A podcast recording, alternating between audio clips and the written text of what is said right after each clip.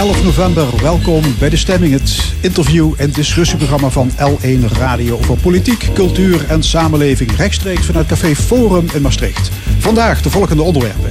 Hoe kijken de slachtoffers van het Grom 6-schandaal terug op het Kamerdebat? Op welke manier kan de kwaliteit van de ouderenzorg worden verbeterd? En moet ook de bouwsector werk maken van recycling en duurzaamheid? We drinken steeds meer speciaal bieren en het wemelt van de ambachtelijke brouwerijtjes. In ons tweede uur aandacht voor de oplevende biercultuur. Dan ook een column en het discussiepanel. En de muziek die is vandaag van Jeff Kenny.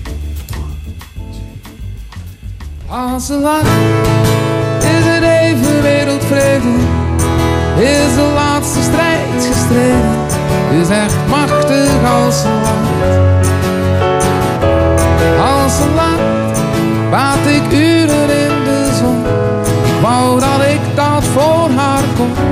Zij voor mij doet als een land.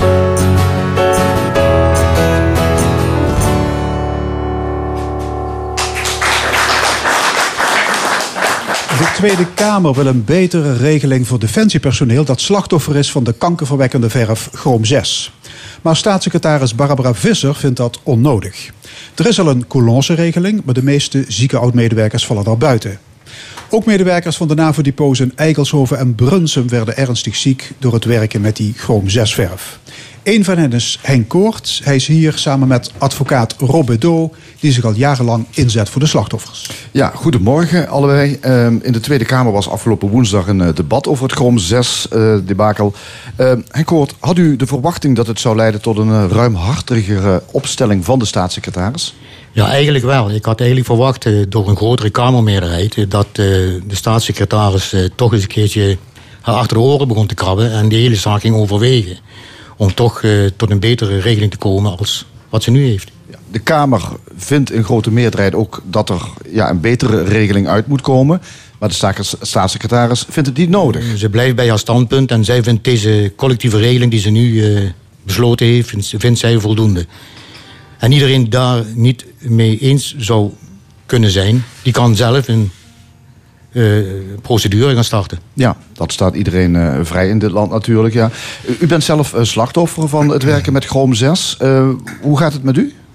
Ja, met mij gaat het naar omstandigheden goed. Maar ja, je leeft wel met beperkingen. En ja, je leeft voortdurend in angst. En ja, je weet niet wat de ene dag gaat gebeuren en, en, en wat de andere dag gaat gebeuren. en en ja, ik ben mijn slokdarm kwijt en een derde van mijn maag.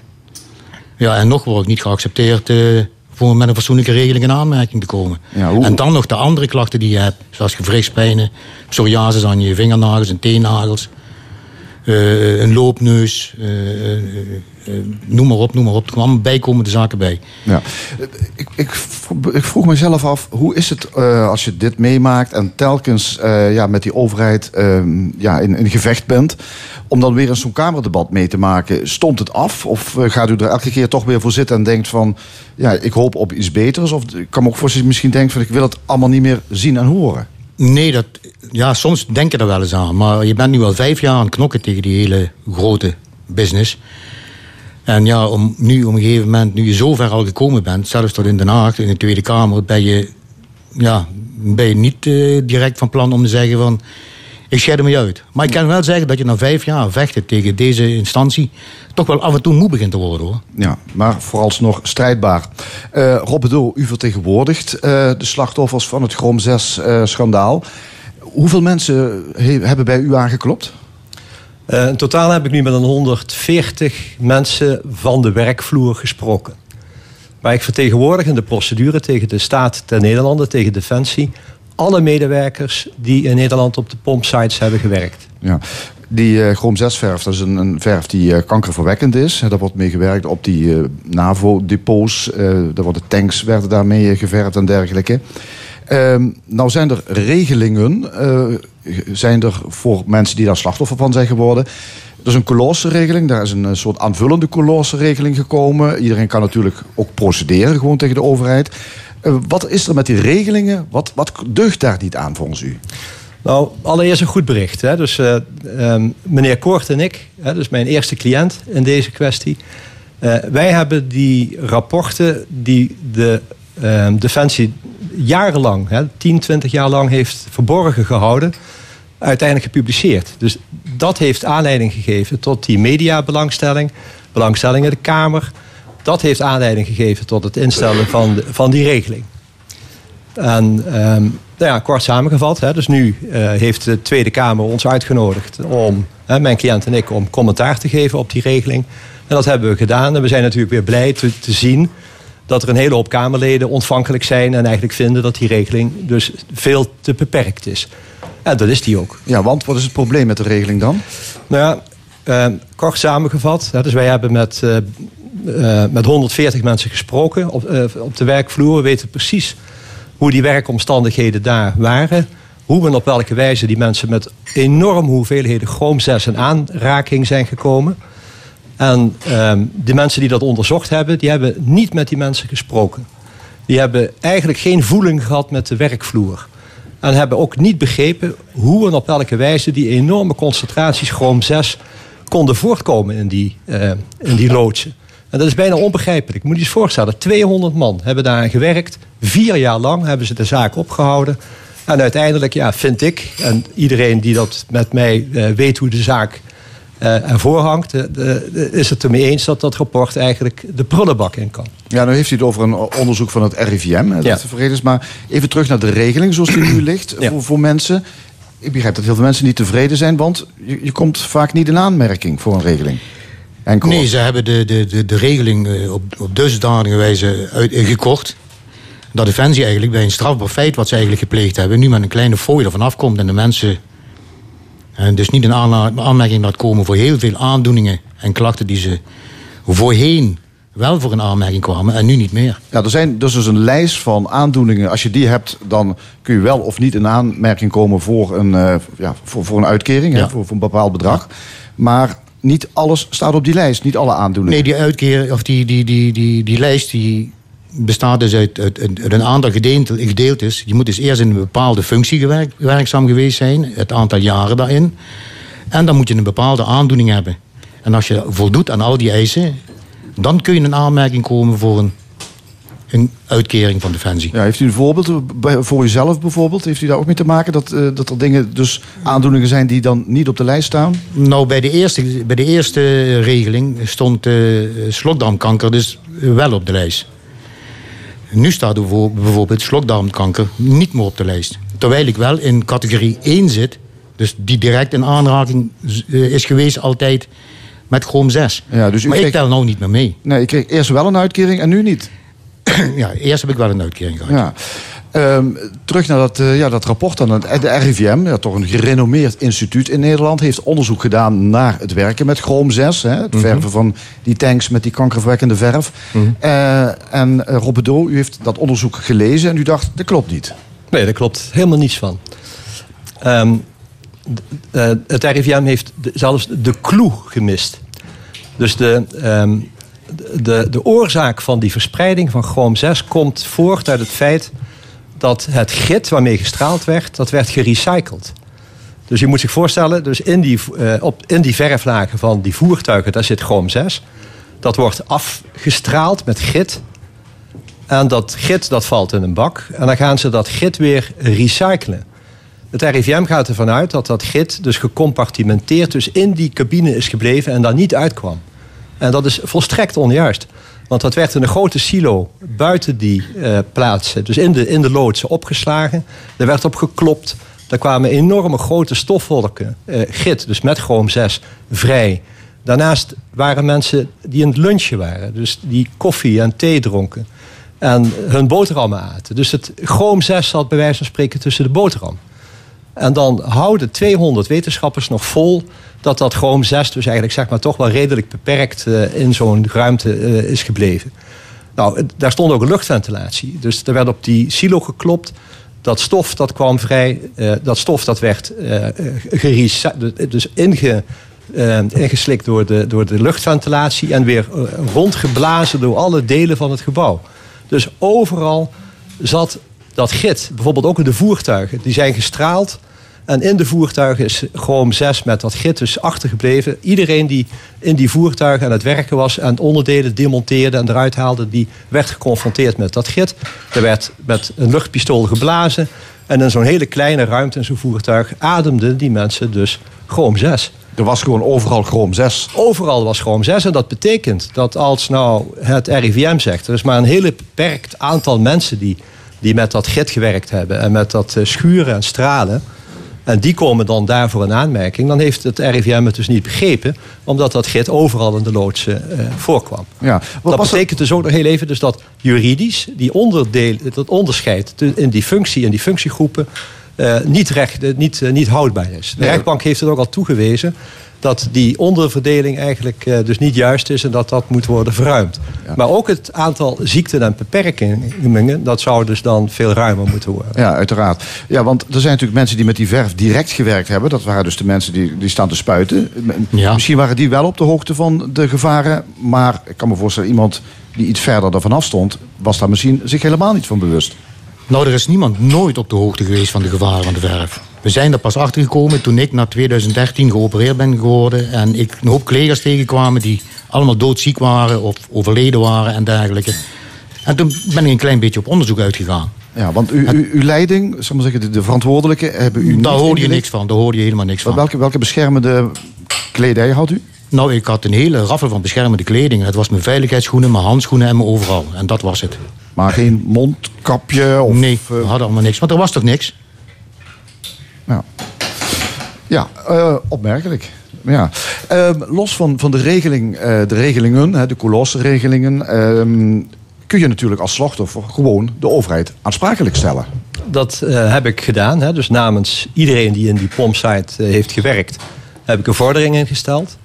En die vordering die is gebaseerd op het niet inlichten van de mensen. Dus die mensen die hebben daar bij wijze van spreken 20, 24 jaar gewerkt met de meest gevaarlijke stoffen denkbaar, terwijl de overheid dat wist.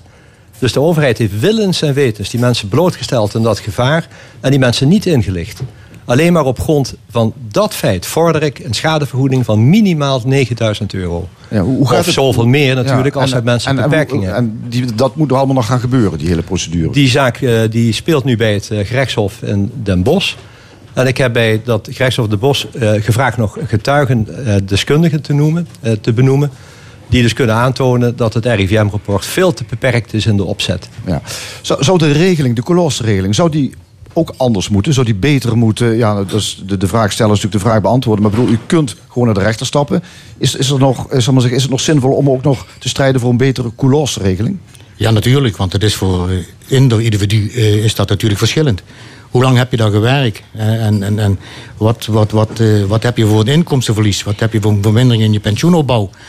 Enzovoorts, enzovoorts, enzovoorts. Dus dat is, ja goed, dat moet, dat moet veel beter uitgezocht worden. Ja, een oud collega van u die zei onlangs uh, dat hij de indruk had dat hij afgescheept werd met een fooi. Voelt het voor u ook zo?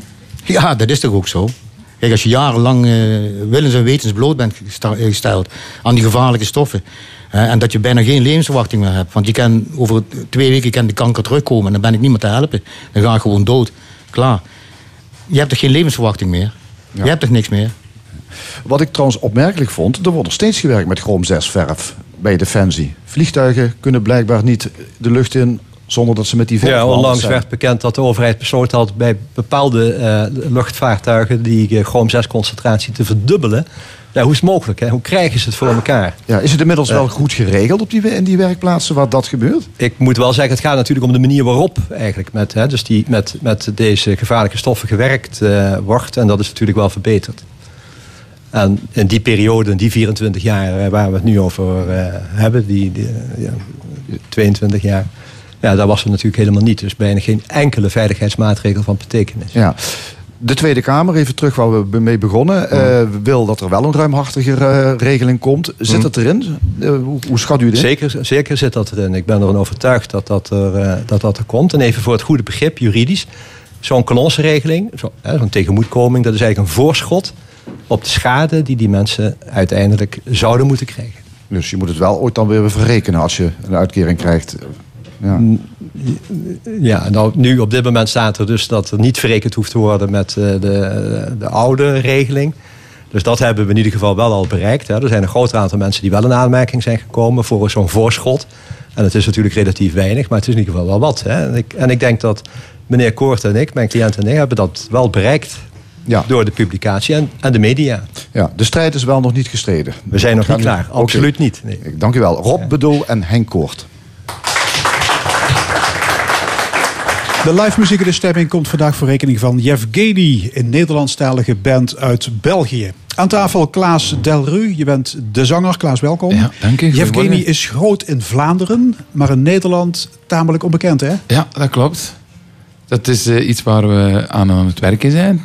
Met heel veel eh, motivatie. Maar ja, het is eh, soms verbijsterend hoe, hoe sterk de grens tussen onze twee Ja. landen toch is op cultureel vlak. Want het tegenovergestelde gebeurt soms ook met Bluff. Die zijn nu pas aan het doorbreken in Vlaanderen bijvoorbeeld.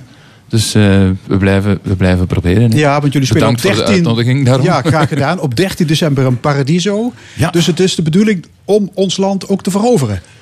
Ja, Paradiso hebben we al een paar keer gedaan. Dus de voorbije drie albums, denk ik, hebben we toch telkens geprobeerd om die ook te presenteren in Nederland. En dat is eigenlijk relatief goed gelukt.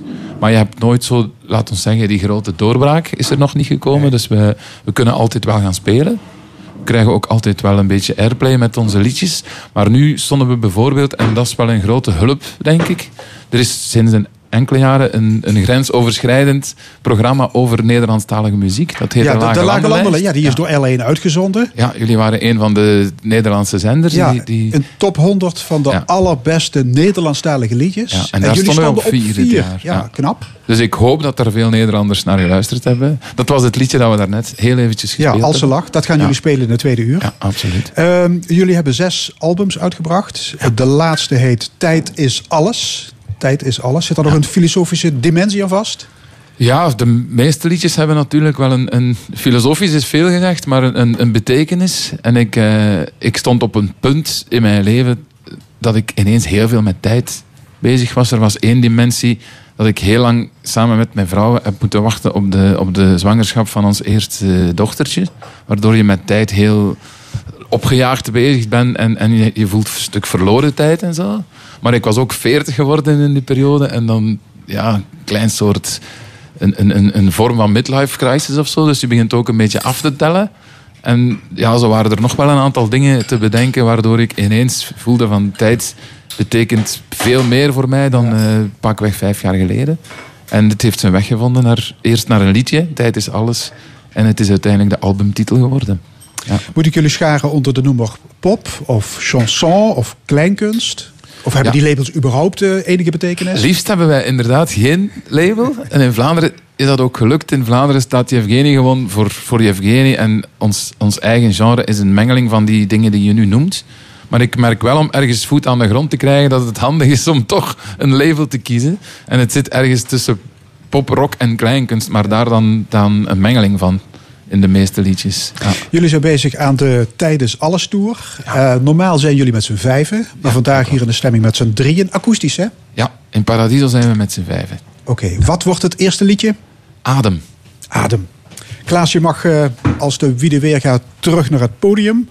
Ja, Klaas Delru die zingt en eh, speelt gitaar. Geert Noppe keyboards en Maarten van Mieghem gitaar. Hier is Yevgeny live met Adem.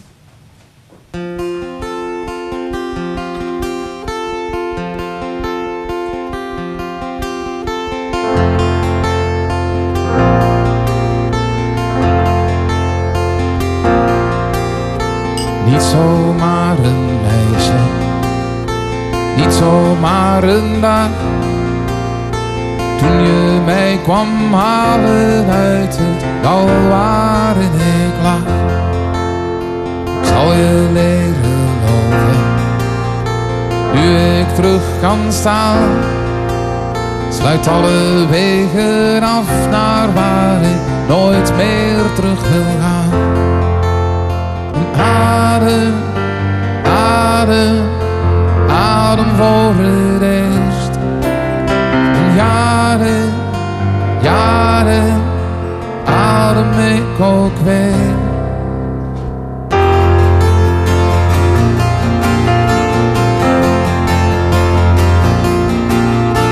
Kan ik voor jou jij voor mij bent.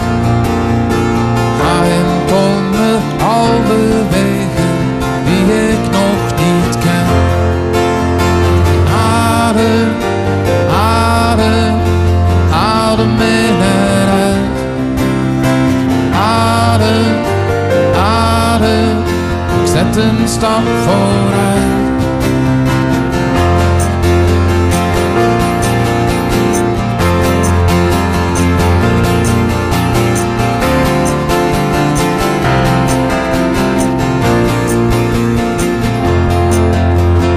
Niet zomaar een meisje, niet zomaar een dag. De dag dat jij de wereld en ik terug het zonlicht zag. En adem, adem, adem voor het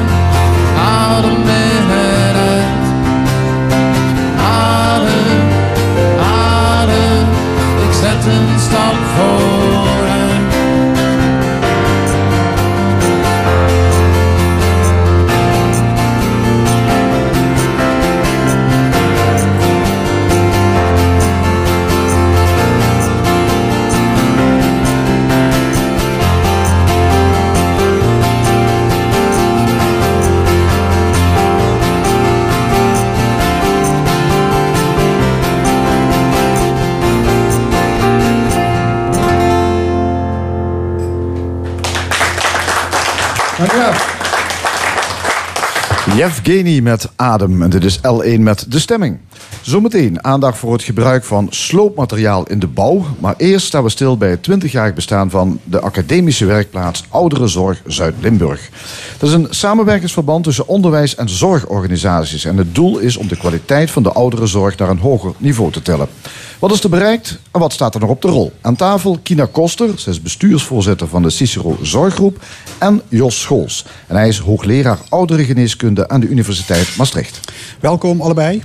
Dank u wel. Eh, een paar jaar geleden was er grote beroering over de slechte kwaliteit van de ouderenzorg. Hè. Te weinig geld, gebrek aan personeel, urine dat langs eh, de enkels van de bewoners loopt. U kent die verhalen.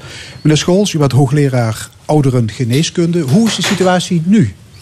Nou, ehm er zit hier best een trots man tegenover u. Want uh, we hebben ons nooit uit het veld laten staan uh, door de negatieve berichtgeving die er altijd over de ouderenzorg de ronde doet. Want twintig jaar geleden is mijn collega Jan Hamers al begonnen met de samenwerking met één zorginstelling hier in het zuiden, de Meanderzorggroep. En dat hebben we de afgelopen twintig jaar uitgebreid in een hele nauwe samenwerking tussen de universiteit en de andere zorgpartners, zoals Cicero Zorggroep, waarvan mevrouw Kina Koster bestuursvoorzitter is, en Vida, Sevagram, uh, Zuiderland, Vivantes, Ja, was en ook de Zuid-Limburgs geval, maar dat Ja. laat onverlet dat er toch wel wat aan de hand Ja, was. ja en, want we hebben dus als het ware een ontmoetingsplaats tussen wetenschap en eh, praktijk gerealiseerd. Waarin we hele goede dingen hebben kunnen doen om de zorg te verbeteren. En verder ook te vernieuwen. En die straalt ook uit naar de bevindingen daarvan. De resultaten van stralen ook uit naar de rest van het land. Ja. Maar de vraag was, hoe is de situatie op dat gebied tegenwoordig? Ja, u weet een paar jaar geleden een hoop Ja. gedonder, kamerdebatten, grote maatschappelijke commotie. Is dat beter geworden? Ehm, ik betwist dat het toen heel slecht was. Ehm, onderzoek wijst Nou ja, uit... de staatssecretaris van Rijn dat gaf toen zelf een geruchtmakend interview hè, over Klopt. zijn eigen vader. Klopt, klopt. Ehm, daar is een hoop gebeurd sindsdien. Daar is ook verschrikkelijk veel geld bijgekomen. Hè. Dat lees je ook wel in de krant. Maar los van geld zie je ook wel dat er een, een soort beweging op gang is gebracht. om te kijken naar wat die cliënt, onze ouderen, nu echt wil. en wat hij nodig heeft om zijn leven zo zinvol mogelijk. ehm, de laatste jaren eh, eh, te besteden. Dus je ziet wel een verbetering daarin, waarbij die cliënt, die ouderen centraal staat. En wij het niet beslissen voor hen, maar met hen. En niet over hen praten, maar met hen praten. Daarin zie je wel verbetering ehm, eh, gekomen. En daarnaast is er natuurlijk door het feit dat er extra geld is, ook extra menskracht eh, eh, gekomen aan hè, handjes aan Ja, het want bed, er is een gebrek aan, aan personeel in Ja. de ouderenzorg. Was, ja. Ehm, maar u, u bent de baas van Cicero. U heeft 2000 mensen in dienst. U heeft daar nauwelijks last van, hebben we begrepen. Hoe komt dat? Nou, we hebben in de thuiszorg last van eh, tekorten.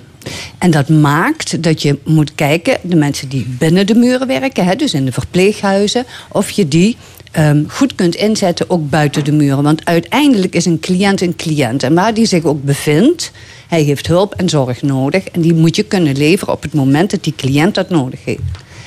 Ehm, intramuraal hebben we inderdaad, dus binnen de muren van het eh, verpleeghuis, hebben we inderdaad Nee, niet dus wel bij de thuiszorg, maar in de, in de echte verpleegzorg eigenlijk nauwelijks. Nauwelijks. En hoe komt dat? Ehm, op tijd begonnen. Een goede baas? Ik weet het niet, Ja. hoor. Dat- En, en, en hoe urgent is die situatie in de rest van Nederland met de schools? Weet u dat? Nou, het is ook een beetje afhankelijk van waar je het, je organisatie hebt staan. Eh, De eh, situatie is ontzettend urgent, vooral in de Randstad. Eh, Ja. eh, Omdat daar ontzettend moeilijk is om voldoende personeel te vinden in de verpleeg, voor de verpleeghuizen, maar ook voor de thuiszorginstellingen. Hier in Limburg is dat over het algemeen nog wel meegevallen. Omdat we natuurlijk, denk ik, ook altijd erg veel geprobeerd hebben om mensen te behouden. Hè? Want over het algemeen, als mensen het goed naar hun zin hebben in hun werk, dan werken ze ook erg lang. En ik moet even refereren aan het eerste punt wat vanochtend aan bod kwam. Wij hebben inmiddels de afgelopen jaren, en dat ik denk dat dat ook heel belangrijk is, ook geleerd dat het belangrijk is als je zorg wil verbeteren of vernieuwen, dat je moet beginnen met te luisteren naar de mensen die werken in de setting en naar de mensen die de zorg krijgen. Dus de zorgvragers. En daar zijn we hier al heel lang mee Ja. bezig. Dus U heeft trouwens een keer gezegd dat eh, de zorgsector als tweede rangs wordt gezien. En dat verplegers liever werken in de high-tech intensive care. dat klopt. Ik Waar ik me trouwens wel iets bij kan voorstellen. Ja, nou, dat is inderdaad wel een beetje het probleem. Dat geldt ook een beetje voor mijn eigen beroep. Hè? Specialist ouderengeneeskunde, het vroegere, de vroegere verpleeghuisarts. Dat is niet het medische beroep waar de meeste jonge studenten als eerste om staan te springen. En dat geldt natuurlijk ook voor de verpleging en de verzorging. Heel veel mensen die worden nogal snel aangetrokken. Zeker als ze beginnen met zo'n opleiding na- naar die high-tech wereld van het ziekenhuis. Dat lijkt interessanter, dat gaat sneller allemaal. Hè? Dat past bij de manier waarop ze leven in de snelheid van de alledag tegenwoordig. Maar ja, daarom is het ook een enorme uitdaging om al vroeg in die opleidingen te beginnen. Om mensen te laten zien hoe mooi het ook kan zijn om in eh, de ouderenzorg te werken. En om die mensen die daar nog de laatste fase van hun leven de zorg krijgen, een stukje op hun levenspad mee te lopen. Maar als Ja. verpleger kun je mensen in het ziekenhuis nog beter maken. Althans, dat, dat, dat is de bedoeling. Maar in het verpleeghuis is dat natuurlijk vaak... nou ja, Ja, ik denk dat dat je hele mooie dingen eh, kunt doen om die laatste fase van Ja, dat maar u leven- begrijpt wat ik bedoel. Ik begrijp wat u bedoelt. Tegelijkertijd doen wij ook ehm, eh, geriatrische revalidatiezorg. Daar gaan mensen ook beter naar huis dan dat ze binnenkwamen. Ja. Er zijn trouwens eh, onderzoekers en wetenschappers die zeggen dat meer handen aan het bed eh, niet per se de allerbeste oplossing is. Ja, dat is leg, leg dat eens uit, hoe dat kan. Moet jij doen. Nou, ik, ik denk dat u ook refereert aan het rapport wat vanuit onze onderzoeksgroep Ja. geschreven is eh, over, eh, ja, moet je nou de problemen die in de ouderenzorg iedere keer oppoppen. En, en we, we leven natuurlijk van incidenten naar incidenten in plaats van dat we meer continu kijken. Eh, los je dat nou op door alleen maar meer handen aan het bed? Eh, nee, dat is maar één kant van het verhaal. Dat is de makkelijke kant van het verhaal om, het, om te denken dat je het daarmee opgelost hebt. Nee, het is ook heel belangrijk om, als je zegt van nou, ik vind het belangrijk wat ik voor die ouderen kan doen. En hoe ik het personeel wat er zit kan ondersteunen. Dat je ook nadenkt van, goh, kan ik zorgen dat mensen met de juiste kwalificaties. Of, of een team met de juiste mix aan kwalificaties aanwezig is. Die daardoor ook een stuk doelmatiger, maar wel veel cliëntgerichter kunnen werken. En dan is het niet altijd alleen maar meer is beter. Het gaat echt ook om de kwaliteit. Kina Koster? Ja, klopt. Onderschrijf ik helemaal. Ja, maar het is wel zo dat driekwart van de verplegers aan een burn-out eh, eh, zit aan te hikken. Is dat Bleek zo? vorig jaar uit een peiling.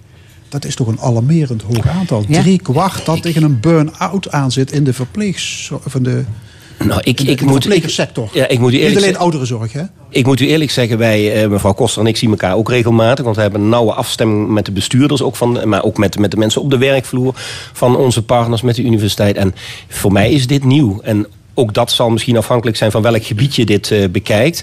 Maar wij merken ontzettend veel commitment en ontzettend veel enthousiasme. En ik zie dat eerlijk gezegd echt niet. Ja. Goed, dan eh, de academische werkplaats Ouderenzorg Zuid-Limburg. Die 20 jaar geleden is opgericht, meneer Scholz. U zei het al, toen de Universiteit Maastricht ging samenwerken met een zorgorganisatie. In de loop der tijd hebben zich steeds meer partijen Mhm. bij dat verband aangesloten. Leg nog eens even uit, wat is precies de bedoeling? Nou, het is dus een samenwerkingsverband eh, tussen de universiteit, zeven grote zorginstellingen en ook drie kennisinstellingen. eh, beginnend bij het MBO, HBO, Hogeschool Zuid en de universiteit. Wat wij proberen is een ontmoetingsplaats te realiseren waarin eh, de wetenschap de praktijk kan ontmoeten. Waarin wij luisteren ook en proberen te achterhalen wat er in die praktijk leeft aan vragen en aan problemen. Welke vernieuwingswensen men heeft, hoe men naar de toekomst kijkt. En op basis daarvan als het ware onderzoeksvragen ophalen. Om die vervolgens ook samen met de praktijk, niet alleen vanuit de academie achter het eh, eh, om te zetten in onderzoek. Wat ook echt resultaten oplevert wat bruikbaar is voor de praktijk. Van bijvoorbeeld nieuwe meetinstrumenten of hoe kun je de zorg opnieuw organiseren? Hè? Eh, eh, hoe, hoe kun je inderdaad komen tot de juiste personeelsmix, et cetera? Ja, een Echt- laboratorium waar wordt Ja, nagedacht over innovatie. We noemen dat een, een, een levend laboratorium, een living lab, inderdaad. Wetenschap en werkvloer samen. U doet er ook aan mee, mevrouw Koster, Ja. met, met de Cicero Zorggroep. Ja, dat klopt. Tot eh, volle tevredenheid? Tot volle tevredenheid. Kijk, voor ons is het van belang dat we invloed hebben op welk onderzoek nu van start gaat. En wat willen we nou weten? Ehm, ik weet niet hoe het u vergaat met mij. Ik hoor wel eens op de radio of op de televisie over onderzoek. eh, met uitkomsten waarvan ik denk, ja, mens had me dat van tevoren gevraagd, dat ik je zo kunnen vertellen. Dit klinkt een beetje eh badinerend. Maar hier wordt onderzoek gedaan vanuit een vraag die van of de werkvloer komt of van ons komt, om op die manier ook te staven dat datgene wat wij denken dat zo is, of dat ook wetenschappelijk een basis heeft. Want heel vaak, als je dan zo'n uitslag van zo'n onderzoek ehm, eh, hoort, hè, ehm, dan denk je van. eh, ik heb wel een uitzondering, hè, of wij zien dat anders. Maar dat is niet zo, want hoe groter die N, hè, dus dat getal wat onderzocht is, ehm, hoe beter, hoe betrouwbaarder de gegevens zijn. En daar kunnen wij vervolgens ook mee aan de slag. Dus de Dat wetenschappers van Universiteit Maastricht en Hogeschool Zuid, et cetera, komen Ja. ook bij u op de vloer. Om Zeker. te kijken, ja, om te zeker, meten, zeker. om ja, ja. mee te En draaien. worden soms ook gedetacheerd. Ja. Ja. En, wij en hebben- andersom, hè? En Ja. andersom. Ja. Wij hebben ook een promovendus die gepromoveerd is op hartfalen in de ouderenzorg. En die werkt bij ons als dokter. En die heeft eh, dat proefschrift geschreven eh, in het kader van de academische werkplan. We noemen dat de linking pins tussen die als het ware letterlijk de brug vormen tussen de praktijk en de wetenschap in beide richtingen. Ja, en een belangrijk uitgangspunt is geen onvrijwillige zorg. Nee.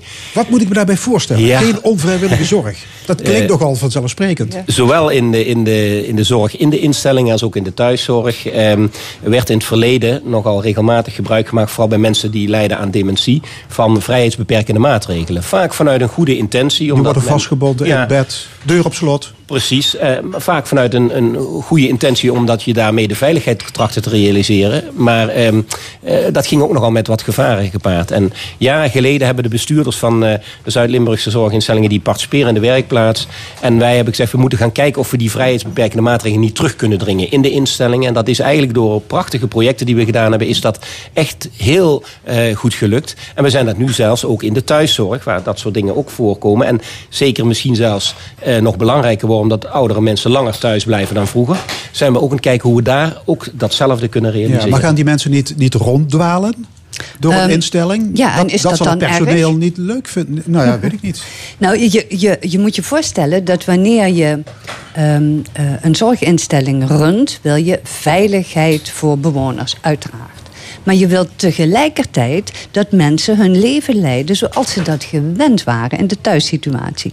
En ehm, ja, ik spreek voor mijzelf. Ik ben een schravelaar. Hè, dus ik ben nogal bewegelijk en ik ben nogal graag bezig met dingen. En dat maakt dat als ik later oud ben, wil ik dat alsjeblieft houden voor zover als, hè, als dat mogelijk is. Dus wat wij doen, is proberen zoveel mogelijk bewegingsruimte te geven. En dat moet veilig zijn, maar je kunt wel kijken wat is absoluut veilig. Hè. Je wil ook niet dat iemand de straat op rent en onder een auto komt. Maar je wil wel alle ruimte geven om inderdaad te schravelen. Ik noem het scharrelen. Een beetje Het ligt heel erg voor de hand wat u zegt. Ja, Ja. vanzelf. Ja. Jullie experimenteren dus met, ja, laat ik zeggen, de ouderenzorg van de toekomst. Ik heb begrepen dat er belangstelling is vanuit Azië en vanuit Amerika. Ja. En dat de Universiteit van Leeds jullie werkplaats wil kopiëren, Ja, ja. meneer Scholz. Nou, het is natuurlijk op zich heel leuk dat als je eh, in de loop der jaren rustig iets fatsoenlijks opbouwt, want het gaat ook hier om kwaliteit en niet om kwantiteit, dat dan op een gegeven moment ga je daarover publiceren, ook in wetenschappelijke bladen. En dan komen er natuurlijk mensen uit andere landen, en, en Leeds is zo'n voorbeeld, eh, komen, eh, die nemen contact om te zeggen van, goh, wij willen, in Engeland hebben we vergelijkbare problematiek, in Amerika hebben we vergelijkbare problematiek als jullie. Eh, kunnen jullie ons eens helpen van hoe hebben jullie dat contact gelegd met die zorginstellingen? Vinden mensen dat leuk om mee te doen? Hoe kunnen we dat eh, opzetten? En ja, en daarmee ontstaat natuurlijk ook weer een samenwerking tussen Nederland en eh de buitenland. En dat heeft voor ons natuurlijk ook onderzoekstechnisch allerlei voordelen. Maar ook weer voor de zorgpartners. Want zij kunnen ook leren van dingen die in het buitenland gebeuren. En soms zie je hele mooie innovatieve oplossingen wellicht eerder in het buitenland ontstaan dan hier. Maar ook omgekeerd. Dus de Limburgse ouderenzorg als exportproduct. Is, Nou, eh, Mevrouw ja. Koster. Ja. Hey, hoe klinkt dat? Geweldig. Ja. We worden trouwens steeds ouder. Eh, in 2040 is de levensverwachting gestegen van 81 naar 86 jaar. Ja, dat is mooi, maar of we dan allemaal gezond zijn, eh, is nog maar zeer de vraag. Ik geloof dat dan 40% een chronische ziekte heeft. Is dat de keerzijde van de medaille? Ja, dat, dat, dat is de vraag. 7% van de mensen woont, eh, van, de, van de ouderen woont in een zorginstelling. De rest woont thuis. Dus ehm, ik, we kennen ze allemaal, de krassen knarren. Ehm, eh, soms is één aandoening ook niet een reden om meteen in bed te kruipen, zou ik maar zeggen. Of achter de geraniums te verdwijnen. Ehm, ik, eh, ik zie dat wel met vertrouwen tegemoet. Ja. Jos nou, Scholz? nou, heel kort nog, want eh, we zeiden zojuist van jonge artsen kiezen vaak liever een beroep waarbij ze mensen kunnen genezen. Als we weten dat in Nederland over zoveel jaren zoveel mensen zitten die toch ook beperkingen en handicaps hebben en met ziektes moeten leren leven, dan is het juist goed als er hulpverleners komen die juist die mensen een beetje kunnen ondersteunen om ondanks die chronische ziekte toch een beetje regie over hun eigen leven te blijven houden en om toch hun leven te kunnen blijven voortzetten. Ja. En dat is een andere vorm van, van zorg en geneeskunde. Ja, er zullen ook meer mantelzorgers aan de bak moeten straks. Ehm, mevrouw Koster, u wil als experiment mantelzorgers op de loonlijst zetten. Ja. Van drie tot zes uur per week. Waarom? Omdat wij zien ehm, dat het vanuit de cliënt geredeneerd belangrijk is dat de cliënt weet dat zijn naaste komt om één uur. Dat vragen ze 's ochtends. Kunt maar vandaag? Ja, om één uur. Hè? Dus op die manier probeer je cliënten de rust te geven. Daarnaast doen mantelzorgers dingen die ze al twintig jaar waarschijnlijk thuis hebben gedaan. En dan kom je in het verpleeghuis en dan zou je daarmee moeten stoppen. Terwijl dat juist voor de cliënt een hele belangrijke bron is van welzijn. Ja, dus daarom wilt u daar welbevinden. betaald werk van maken. Ja. Maar toch, ik zou me eh, eh, schamen als ik betaald zou krijgen... om Ja. met mijn moeder een wandelingetje te gaan maken in het verpleeghuis. Ehm, dat kan ik me voorstellen. Tegelijkertijd is het zo dat wij ook mensen zien die tussen de middag hun werk in een rush verlaten om moeder te helpen met eten. Om vervolgens weer terug te gaan naar hun eigen werk. We zien daarin echt een kramp ontstaan waarvan we denken: oh, kunnen we dat niet beter oplossen? Ik heb zelf met een werkgever gesproken en gezegd van zouden wij dat een uurtje kunnen oprekken, dan betalen wij dat uur. En dan heeft die medewerker net iets meer rust, hè, die mantelzorger. Nou, dat kan heel fantastisch uitpakken. Ja, het is een experiment, dus u gaat kijken het is of, een het, of het werkt. of het werkt. En het, het werkt niet voor iedereen. Ja. Op 14 december wordt het jubileum gevierd. hè, 20 jaar academische werkplaats ouderenzorg met het symposium in het MEC in Maastricht. Hartelijk dank, Kina Koster en Jos Scholz. Graag gedaan. En dit is L1 met De Stemming. Tot 1 uur live vanuit Café Forum in Maastricht. Met vandaag live muziek van de Belgische formatie Jeff Geni. En we gaan luisteren naar een huidige single, Waar jij niet bent. Wat doe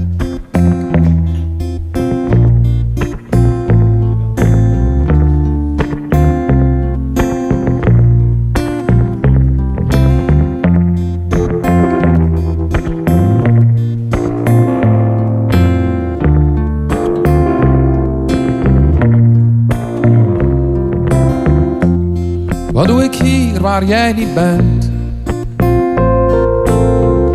De sfeer is koud, het bier is warm. Ze kennen maar twee platen. Wat doe ik hier waar jij niet bent? Het is te laat voor telefoon. Ik kan het toch niet laten. Wat doe ik hier waar jij niet bent? Wat doe ik hier waar jij niet bent?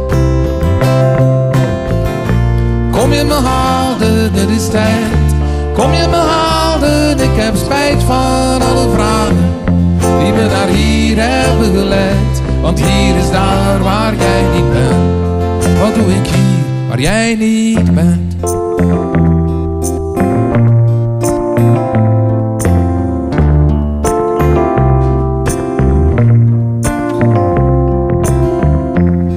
Wat doe ik hier waar jij niet bent?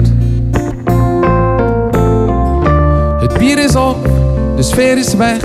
Tijd voor nog slechtere platen. Wat doe ik hier waar jij niet bent? Jij had gelijk, maar het is te laat. Ik moet echt leren praten. Nu zit ik hier waar jij niet bent. Wat doe ik hier waar jij niet bent?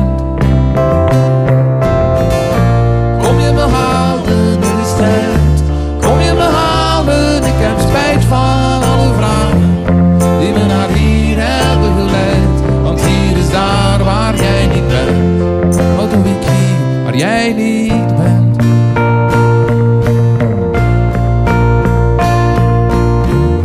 Ik dacht ik vind wel weer een feest. Wat doe ik hier waar jij niet bent? Maar het feest is nooit een feest geweest. Wat doe ik hier waar jij niet bent? Toch niet voor mij, toch niet vandaag. Wat doe ik hier waar jij niet bent? Ik dans voortdurend rond de vraag.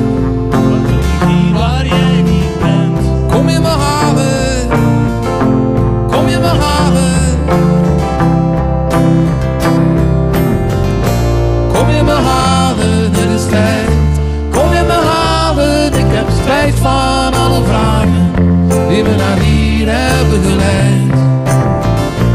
Kom je me halen, het is tijd. Kom je me halen, ik heb spijt van alle vragen die me naar hier hebben geleid. Want hier is daar waar jij niet bent. Wat doe ik hier waar jij niet bent?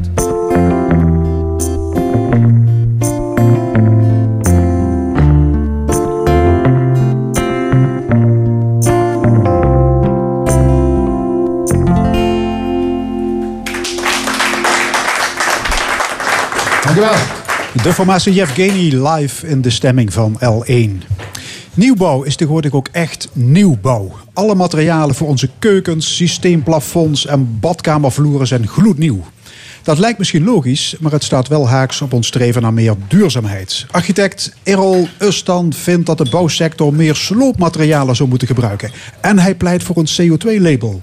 Ustan is onze volgende gast. Ja, welkom. Ehm meneer Astan, eh, hoeveel procent van eh, alle sloopmaterialen wordt nu hergebruikt? Drie. Hoogwaardig. 3 procent. Schrik je van, hè? Dat, dat is enorm weinig. Dus- en de rest? Nou, de rest gaat laagwaardig, wordt, eh, wordt verwerkt. Dus voornamelijk bijvoorbeeld hout gaat naar de, naar de verbrandingsindustrie. Beton gaat onder de, onder de vloer, hè, onder asfalt, het hele gebeuren. Maar echt gewoon 3 procent. Dus we hebben nog een lange weg te gaan. Dus Maar even- 3% hoogwaardig gebruikt, dat betekent dat je de materialen echt één op één weer kunt hergebruiken? Nou, hoogwaardig betekent, dat zou het allermooiste zijn. Hè? Dat, dat je materialen inderdaad één op één, dan is de CO2-emissie dan ook, het laagste. Omdat die materialen ooit dan eens een keer gemaakt zijn. Maar misschien komen we daar naar de hand op terug.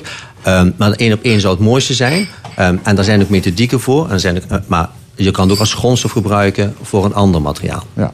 Maar kortom, het, eh, heel veel materiaal wordt dus niet hergebruikt. U Ja. wil dat dat anders wordt.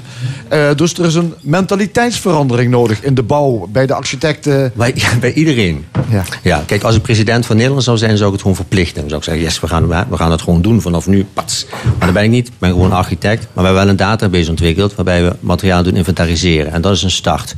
Ehm, want je hebt inderdaad woningcoöperaties nodig, overheden nodig, de politiek nodig, eh, eh, vooral architecten nodig. En dat is, een, dat, is een, dat is een lang proces. Dus als je nagaat bijvoorbeeld dat de, in de bouw, eh, de opdrachtgever daarvan, de overheid is de grootste opdrachtgever daarin. Ehm, en als je kijkt naar CO2-uitstoot, dan is 90% van de CO2-uitstoot wordt gedaan door industrieën en door de overheid.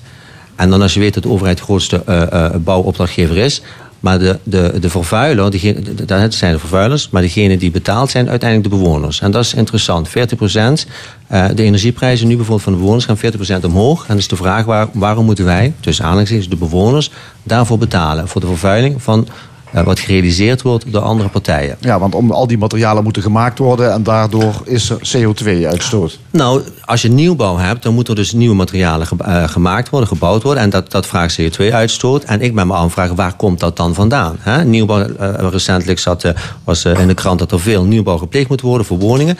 Maar ik vind het interessant als architect, waar komt dat hout vandaan? Waar komt dat, dat, eh, dat beton vandaan? Wat hebben we ervoor gedaan om te zorgen dat die maatschappelijke prijs, die CO2-uitstoot, zo min mogelijk is?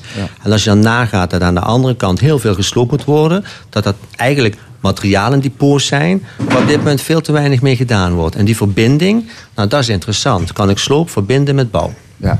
Donderdag is er een hele een, eh, kunstwerk onthuld van Marian Theeuwen. Ja. En dat is gemaakt van sloopafval. En dat was eigenlijk uw initiatief. Hè? Laat een kunstenaar nou eens iets maken van sloopafval. Nou ja, dat hele proces wat we net benoemen met een CO2-balans uitrekenen en, en, en aan sloop eh, eh, koppelen aan, aan aanbouwen, daar heb je politiek voor nodig, woningcorporaties, architecten, het hele gebeuren. Dat is een, is een lang proces. Ook precies een mentaliteitsverandering, hè, dat duurt jaren.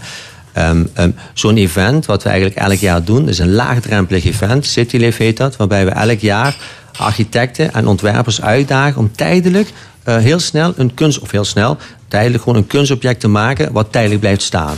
En vorig jaar of dit jaar hebben we eh, één kunstenaar uitgezocht. Dat is eh, Marjan Thewe. Waanzinnige kunstenaar uit Amsterdam. En die maakt inderdaad van...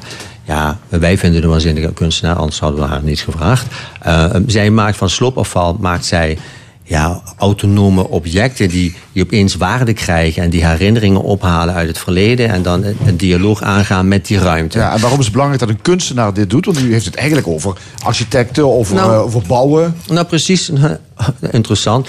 De vraag, omdat eh, ehm, juist kunstenaars en ook architecten, eh, doordat het tijdelijk is, zijn er weinig restricties aan verbonden om, om eh, zo extreem mogelijk iets neer te zetten. En kunst doet verwonderen en doet aanzetten en doet eh, bewustwording creëren en aanzetten tot.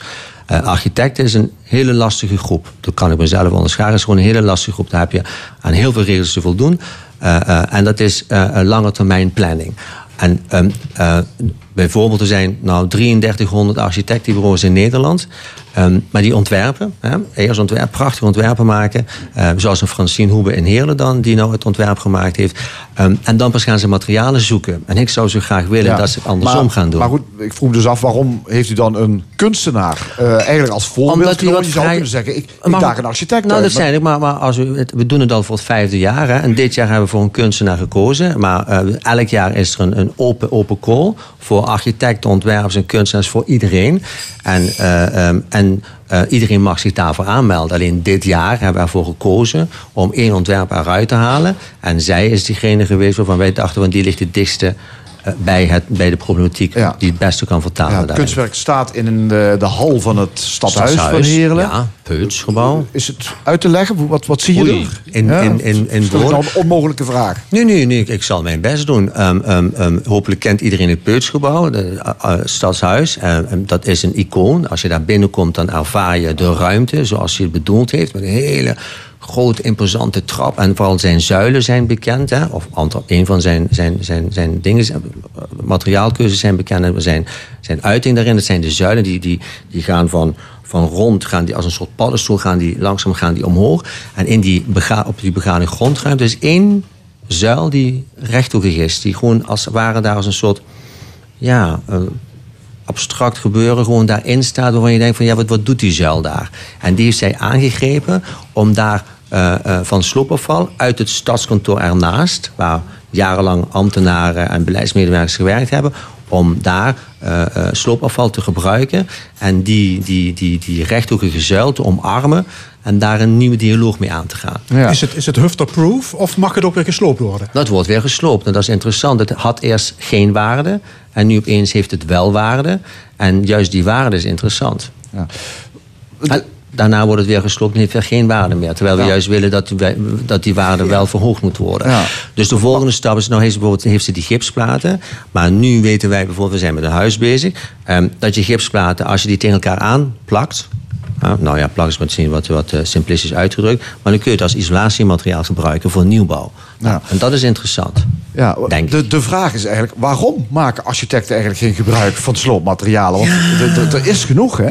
Er is genoeg. Eh, dat heeft met een denkwijze te maken, met een mentaliteitsverandering. Ik, dat- weet ik niet. Ik kan alleen voor mezelf spreken dat als ik zie eh, eh, ehm, hoeveel er weggegooid wordt en wat er weggegooid wordt, hè, en, en, en wat je ermee zou kunnen doen, dan, eh, dan is dat een uitdaging. En het zijn juist, die, juist de architecten die het creatieve vermogen hebben om uit bestaand materiaal, denk bijvoorbeeld aan ijzeren balken, om die bij wijze van spreken één op één her te gebruiken en daar een ontwerp op aan te passen. Ja, of, of zijn misschien, is de, of, eh, is de architect misschien bang dat hij een beetje voor schut staat bij zijn opdrachtgever als hij met tweedehands materialen aankomt? Is het niet sexy genoeg om het eh, te gebruiken? Nee, maar de regels zijn er nog niet. Zo simpel is het gewoon. De regels zijn er nog niet. Er is bij niemand nog opgelegd eh, waaraan het zou moeten voldoen. Eh, en nu wordt, het, je hebt nu een bouwbesluit. Hè? Er, zijn, er zijn een aantal regels, maar er zijn geen materiaalregels. En dus is het nog erg makkelijk. En, en, en de realisatie is er nog steeds niet dat in 2030 de materialen opraken. Ik heb dat is wetenschappelijk bewezen. Is gewoon 2030 wordt gewoon steeds minder en ze raken op. Dus wat gaan we dan doen? Dat is een ver van mijn bedshow. Ehm, en het leukste is natuurlijk ontwerpen. Hè? Ontwerpen, klaar. En dan gaan we het zien. Ehm, maar dat is een, ja, voor, aan ons, kijk, nu ligt diezelfde vraag ligt bijvoorbeeld bij de Beroepsvereniging van Nederlandse Architecten. Nou, dat is een landelijke organisatie met diezelfde vraag van wordt het niet tijd we eens een keer aan tafel gaan zitten om er wat aan te gaan doen. Ja. Is, ik dacht ook, ligt het misschien ook aan het soort materialen dat wij gebruiken? Kijk, vroeger eh, had je baksteen, stro, hout en leem. Dat was het zo'n beetje ongeveer. En dat kon je eigenlijk continu hergebruiken. Of het eh, was gewoon helemaal versleten. Ja. Nu hebben wij ja, ja, puurschuim, spaanplaat. Dat, dat is natuurlijk ook een enorme troep. Ja, heel goed. Precies. Dus Ja. moeten we daar niet gewoon vanaf? Precies. Maar is dat, is dat aan de architect? Nee, dat is aan de politiek. Dus de politiek moet de Zo, handschoen de op. architect maakt toch het ontwerp? Ja, de architect maakt het ontwerp. Maar we weten nergens wat, wat, wat van... Wat, kijk, we hebben het net over... Wat zit erin? Ik, ik wil graag weten wat erin zit. En in hoeverre is het schadelijk? In hoeverre kunnen we er wat mee doen? Wat is die CO2-uitstoot geweest? Wat is de maatschappelijke prijs die wij moeten betalen... om die materialen in die nieuwbouw te plaatsen? Dat is de commerciële prijs hè, die we betalen voor peur. Maar wat is de CO2-uitstoot daarvan geweest? En wie, wie, wie bepaalt dat? En die herkomst is niet bepaald. Maar pas op het moment dat daar richtlijnen, richtlijnen voor zijn, hè, verplichtingen of zo. oh, Dus moet toch, de overheid moet dit toch gaan sturen? je hebt, de overheid, je hebt de overheid nodig om dat te kunnen sturen, ja. En Ja. daarom een CO2-label voor gebouwen. Een CO2-label Ja. voor gebouwen. Ja. ja, dat je weet, wat heeft een vastgoedeigenaar eraan gedaan... om te zorgen dat de CO2-emissie zo min mogelijk is geweest. Oké, nou, mooi initiatief. Ja. Dankjewel, Errol Eustam. Dankjewel. Ja, straks in de stemming aandacht voor de opgebloeide biercultuur. We praten met twee brouwers en een erkende bierproever. Verder de column, het discussiepanel en muziek van Yevgeny. Blijf luisteren tot zometeen na nieuws reclame van 12 uur. Koop ook uw droomkeuken direct in Duitsland bij Muschenich. Een van de grootste keukencentra met meer dan 200 showroomkeukens. Duitse keukens met supergoedkope merkapparatuur. Bespaar veel geld en kom naar Meubel und Küchen in Buurselen bij Aken. Kijk op duitserdroomkeukens.nl Wij helpen u met een persoonlijk afscheid. Jarden is al 40 jaar actief in Limburg en kent de lokale tradities. Bijvoorbeeld een Limburgs arrangement in een van onze sfeervolle koffiekamers. Maak kennis met onze uitvaartverzorgers en locaties. Kijk op jarden.nl slash Limburg. Waarom een nieuwe cv-ketel als we toch van het gas af moeten? Uw cv-ketel vervangen of naar gasloos met een warmtepomp? Variant geeft antwoord en adviseert graag over de oplossing voor uw woonsituatie. Maak een afspraak met uw Variant-vakman of kijk op variantwoord.nl. Vajant. Mijn huis, mijn comfort. Ik zie, ik zie wat jij niet ziet. Een gecontroleerde kilometerstand. Autotrack checkt wat jou misschien niet opvalt bij de aanschaf van een auto. We checken hem van de eerste eigenaar tot de laatste keuring. Inclusief een volledig gratis Carfax-rapport. Op zoek naar een auto? Check, check. Autotrack. Nieuwe cv-ketel of toch een warmtepomp? Variant geeft antwoord op variantwoord.nl. Aldi en Abakkers zijn partner van het Nationaal Schoolontbijt... en zetten voor duizenden kinderen lekker brood op tafel. Daarom alleen vandaag nog in de weekactie. Bijvoorbeeld fijn volkorenbrood voor 79 cent. En volkorenbolletjes, 8 stuks, ook maar voor 79 cent. Dat wil toch iedereen? Yummy! Lekker! Een lekker ontbijt voor iedereen. Weekactie bij Aldi. Vandaag de laatste dag. Natuurlijk, Aldi. 11 november is de dag dat mijn lichtje, dat mijn lichtje. 11 november. Zeg mannen, zijn jullie niet iets te groot voor Sint Maarten? Nee, hoor. Met Mars Minis pakt Sint Maarten groots uit. Dus zorg dat je ze op 11 november in huis hebt. Het is Singles Day weekend bij BCC. Verwen jezelf en shop tot en met zondag heel veel producten met kortingen tot wel 30%. Kom snel naar de winkel of shop op bcc.nl. Dat is zeker BCC. Bath Body. De badkamerspecialist van ontwerp tot realisatie. Bath Body. Ga naar Hoeimakers Badkamers en Tegels in Venray Oostrum. Ready or not, here I come. Bij Mitsubishi zit SUV in ons DNA. Altijd klaar voor avontuur. Robuust, rijk uitgerust en betrouwbaar. We hebben altijd een SUV die bij je past. Met 5 jaar garantie en nu tot wel 3000 euro voordeel. Ga voor een persoonlijk overstapvoorstel naar mitsubishimotors.nl. Mitsubishi Motors. Het is 12 uur. Dit is Lieselot Thomassen met het NOS-journaal. Tientallen wereldleiders zijn in Parijs samen bij het graf van de onbekende soldaat onder de Arc de Triomphe. Het is vandaag 100 jaar geleden dat er een einde kwam aan de Eerste Wereldoorlog. Het conflict kostte miljoenen mensen het leven. Ook in Ieper, in België en in Londen zijn grote herdenkingen. In Australië en Nieuw-Zeeland werden saluutschoten gelost en kerkklokken geluid. Boven Adelaide werden duizenden rode klaprozen door een vliegtuig afgeworpen. De bloem staat symbool voor de gesneuvelden... en staat centraal in het wereldberoemde gedicht over de Eerste Wereldoorlog in Flanders Fields. In Nederlandse havens wordt steeds meer lachgas geïmporteerd. Dit jaar meer dan 1,2 miljoen kilo. Bijna een half miljoen kilo meer dan in 2016. Volgens experts komt de toename door de uitgaanswereld. Kroegen, festival en ook shisha-lounges kopen grote tanks met lachgas... om ballonnetjes met lachgas te verkopen aan klanten. Eerder werd lachgas uit slagroompatronen vooral gebruikt. Een jager in Slowakije heeft per ongeluk een vrouw doodgeschoten in plaats van een fazant. Het slachtoffer was ingehuurd om met haar hond het gevogelte op te schrikken. De jager schoot haar in de rug. Er waren meerdere jagers op pad. Onduidelijk is nog wie van hen het dodelijke schot heeft gelost. In Slowakije zijn de laatste jaren meer mensen om het leven gekomen tijdens het jagen. Deskundigen zeggen dat het hobbyisten zijn die maar af en toe jagen en weinig ervaring hebben. In Australië is een vrouw van 50 opgepakt die mogelijk naalden in fruit heeft gestopt. De naalden zaten onder meer in bakjes aardbeien... die in september in het hele land werden gevonden. Consumenten in Australië kregen het advies om aardbeien eerst door te snijden... om te kijken of er niks in zat. Een aantal supermarkten haalden fruit uit de schappen... en halveerden de aardbeienprijs. Het weer, buien, vooral vanmiddag met kans op onweer. Soms ook even zon, het is een graad of 13. Morgen opnieuw regenachtig en bewolkt en het wordt dan 11 tot 14 graden. Dit was het NOS Journaal.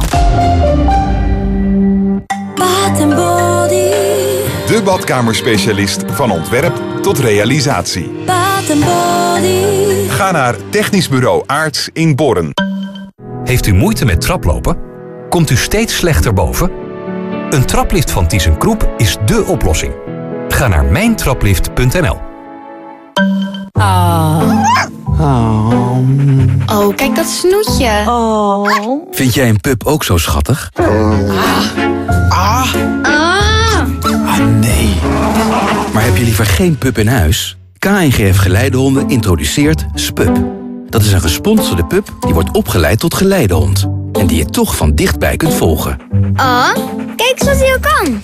Ga naar sponsorenpup.nl. SPUP is een initiatief van KNGF Geleidehonden. Een traplift van ThyssenKroep. Bel gratis 0800 5003. Ready or not, here I come. Bij Mitsubishi zit SUV in ons DNA. Altijd klaar voor avontuur. Robuust, rijk uitgerust en betrouwbaar. We hebben altijd een SUV die bij je past. Met 5 jaar garantie en nu tot wel 3000 euro voordeel. Ga voor een persoonlijk overstapvoorstel naar mitsubishimotors.nl. Mitsubishi Motors.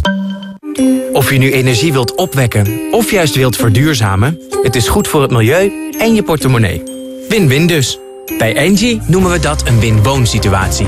En die is voor iedereen anders. De een heeft isolatie nodig en de ander zonnepanelen. Creëer jouw ideale win-woon situatie op engieenergie.nl.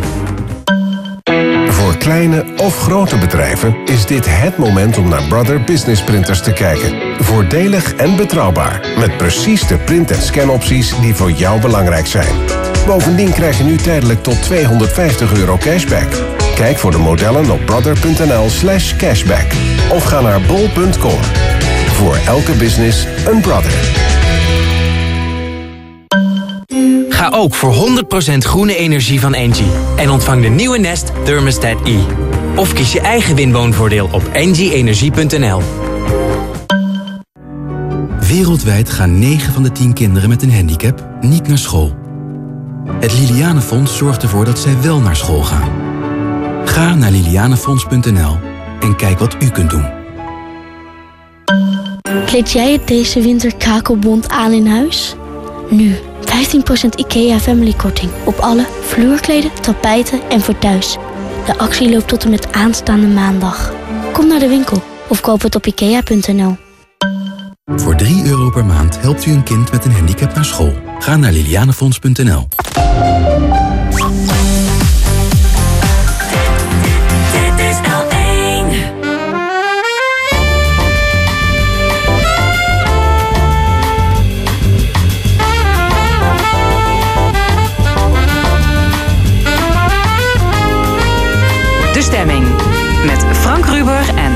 Geraerts. Opnieuw welkom bij De Stemming, het interview- en discussieprogramma van L1 Radio van het café Forum in Maastricht. En wat allemaal nog in dit tweede en laatste uur. Even na half één discussieert het opiniepanel met Monique Quint, Jan de Wit en Karen Leunissen over mijnschade, drank en drugs bij Netcar en andere actuele zaken. Een column van Rezi Koumans, muziek van Yevgeny, maar eerst bier. Oktoberfeesten, het slotconcert van Rowan en ook vandaag bij de opening van het carnavalseizoen. In deze provincie staat de tapkraan nooit stil, want bier hoort bij Limburg.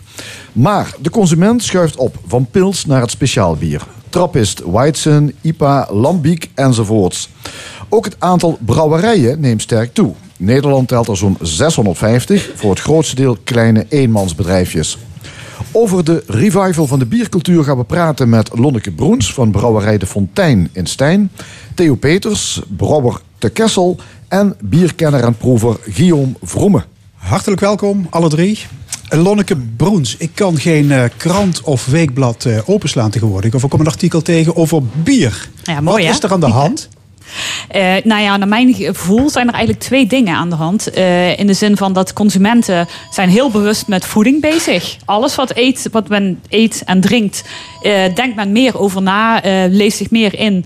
En daarmee heb en je. wat heeft bier met voeding te maken? Ja, ja dat is een van de belangrijkste voedingsmiddelen. Vitamine B. Vitamine B bedoelt u? Ja, nee, het is gewoon. mensen zijn bewuster bezig. Vroeger werd gedronken, nu wordt geproefd. Uh, en daarin zie je wel een verschuiving. En daarbij is het uh, de wereld van de social media, de bierapps, uh, is ook de bierwereld veel kleiner geworden. Nou ja. Men leest over heel de wereld wat men drinkt en dan wil men het ook. Ik zag vanmorgen Maastricht drommen mensen vanaf het station richting Vrijthof bij de opening van het carnavalseizoen. Die waren niet aan het proeven. Nee, nee. Nog niet. maar daar wordt ook geen speciaal bier geschonken, denk ik. Nee. Theo Peters, u bent ook brouwer. Is bier tegenwoordig hip? Ja, zou ik haast willen zeggen. Het hangt er ook een beetje mee samen aanvullend aan wat Lonneke zegt. Uh, je ziet niet alleen binnen bier, maar je ziet eigenlijk in de hele wereld zie je dus aan enerzijds ontwikkelingen van globalisme. En aan de andere kant zie je gewoon dat mensen op zoek zijn naar nieuwe kleine dingen waarvan het gevoel heeft, ik weet waar ik vandaan kom, ik kan het vertrouwen, ik kan mijn eigen trots erin kwijt. Globalisme versus ambachtelijkheid, kleinschaligheid. Ja, ja, nou en dat zie je dus ook uh, bij bier. In ieder geval bij ons was dat uh, de trigger, zeg maar. Uh, Kessel heeft, uh, zoals heel veel kleine dorpen in Nederland en ook in Limburg, heeft uh, ja, zeg maar in het begin van de 19e eeuw eigen bierbrouwerijtjes gehad. En je ziet gewoon dat er een bepaald trots gevoel terugkomt als bewoners gewoon in hun eigen dorp, in hun eigen streek, hun eigen bier. En het hoeft niet alleen bier te zijn, maar het kunnen ook andere voedingsmiddelen zijn uh, waar ze trots op kunnen dus zijn. Dus het eigen culturele erfgoed wordt als het ware herontdekt. Ja, ja, ja. ja. En uh, het gaat niet zozeer om het ordinaire pils, maar vooral om het uh, speciaalbier, hè? het ja, zogenoemde klopt. craft beer. Is dat bier met meer karakter? Nou, het uh, craft, hè, u noemt de term al, is een, een, een, term die eigenlijk, ja, het is geen beschermde term. Het, het wordt eigenlijk geassocieerd met kleinschalig en daarmee ambachtelijk. Um, het is een ander product als pils. En nou, zwaarder, meer alcohol? Niet, niet per definitie. Nee. Dat is inderdaad wat veel mensen denken. Het, eigenlijk als je zegt, uh, als je gewoon bottomline kijkt, is gewoon pils een soort bier. En alle andere bieren zijn ook gewoon bier. Alleen de pilsmarkt is natuurlijk uh, dominant geweest heel veel jaren. En nu zie je dat eigenlijk de rest van het spectrum van bieren... ja, eigenlijk behoorlijk aan een opmars bezig is. Guillaume Vroebe, u bent uh, bierexpert. U bent een veelgevraagd proever. Heeft u een voorkeur voor een speciaal bier? Ja, Wat is uw favoriete genre? Nou, dat ligt een beetje al aan, aan de tijd van het jaar. Kijk, ik ga geen Rochefort 10, die 11 procent is, ga ik niet hartje zomer drinken. Nee. En dus aan een white of een witbier drink ik natuurlijk liever in de zomer dan in de winter. Ja. En natuurlijk ook, met wie ben je? Kijk, als ik nu naar het vrijtocht zou gaan en ik zou, ik zou alleen maar duvels drinken en die andere pils, ja, ik denk dat het snel wel, afgelopen ja, was. denk het ook. Zeg maar, vroeger kon je in de supermarkt ja, duvel drinken of een, of een trappist. Nu zie je een muur van speciaalbieren. Hè? Het, het aanbod is gigantisch. Wie kan, komt daar nog wijs uit? Nou ja, ik kan alleen uit mijn eigen ervaringen spreken. Met de introductie van onze twee bieren, Kessel Blondje en Kessel Triple. We, hebben ons met name gericht op eh, zeg maar de slijterijen. En een van de ten- tendensen die wij nu zien is dat de slijterijen eigenlijk de, wat voorheen was met name indeling op basis van merken. Dus zeg maar de klassieke merken en al hun assortimenten bij elkaar. Wat we nu zien is, eh, omdat er zo'n groot aanbod is, dat men het eigenlijk naar groepen aan het indelen. Dus met alle blonden bij elkaar, alle IPA's bij elkaar, alle blonden bij elkaar. En dat heeft ik heb gevraagd aan die betreffende slijterij van "Goh, waarom doe je dat nou eigenlijk? Kun je me uitleggen? Nou zegt hij, de meeste mensen die hier komen en ze vragen voor een cadeau, voor een speciaal bier, die beginnen eigenlijk op eh, smaakniveau. Dus als ze een trippel vragen, dan kunnen wij het makkelijkste zeggen, we hebben 20 soorten trippels, loop even naar dat schap en zoek één van de 20 trippels uit. Terwijl het voorheen met name om merkniveau is, dan moest men door de hele slijterij lopen om te kijken van welk merk heeft nu welke trippel. Dus op die manier probeert men zeg maar, voor zichzelf een soort eh, overzicht te maken. Ja, maar, maar, om- maar toch, is het niet too much als je in de supermarkt bent en je ziet die enorme schappen Ja. met allemaal Nou, ja, soorten ja. bier waar je... Als ik daarop in mag haken. Ehm, kijk, wij zijn een kleine producent natuurlijk. En als ik zie. ehm, aan die kant van de. eh, sowieso, toen wij begonnen, maakten wij denk ik 75% vulden wij af op fusten.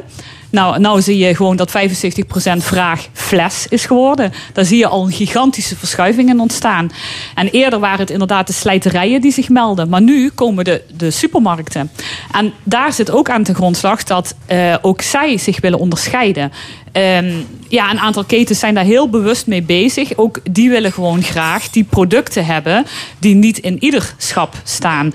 Dus daar zie je ook dat er gewoon aan alle kanten gewoon getrokken wordt aan kleine eh, producenten. Ja.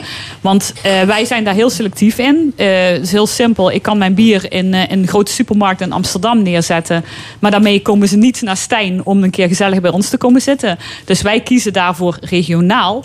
Maar ik kan zeggen dat het, de vraag naar de producten eh, ja, vele malen groter is als eh, wat wij kunnen produceren Ja. daarin. Nederland heeft eh 650 brouwerijen, voor het merendeel hele kleintjes. Eh, we hebben België qua aantal ingehaald. Dat was toch altijd het bierland, hè? Meneer Vroemen? Dat was inderdaad het bierland en eigenlijk ook het gidsland. En eigenlijk eh, is de verandering gekomen doordat er nu op kleinere schaal gebrouwen kan worden. Vroeger, als ik een eigen bier wilde, dan was, nou laten we zeggen, 800 bakken was het minimum wat ik moest afnemen en betalen meteen. Maar nu wordt gebrouwen op 2000 liter. Dus nu zijn heel wat amateurbrouwers, dus die steeds weer nieuwe bieren brouwen thuis met vrienden, overgestapt naar een, ja, zullen we oneerbiedig zeggen, productiebrouwerij. Om daar hun 2000 liter te laten brouwen voor commerciële Ja, doeleinden. Veel, veel amateurbrouwers, zegt u. Hoe is over het algemeen de kwaliteit van het bier van die kleine ambachtelijke brouwerijtjes? Is het dus... Het is, het is ook wisselend natuurlijk. Kijk, iedereen kan goed bier brouwen. Iedereen. Maar om de tweede keer dat goede bier te brouwen... en dan ook nog de tweede keer hetzelfde bier... dat wordt het moeilijker. Nee, eh, en daarom zijn ook heel wat amateurbrouwers... die brouwen onder de naam van een dorp... een vereniging, een dorpsfiguur... dan heb je in ieder geval al die binding... wat meneer Peters ook zei met de stad of met de plaats. Dus de eerste, de eerste afname heb je. Maar dan, dan moet je verder. Ja, hier op tafel staan overigens een aantal eh, flessen die jullie hebben meegenomen. Eh, Lonneke Broens, eh, ik zie er vier staan van de Fontein in Stijn. Eh, hoe groot of hoe klein is jullie brouwerij?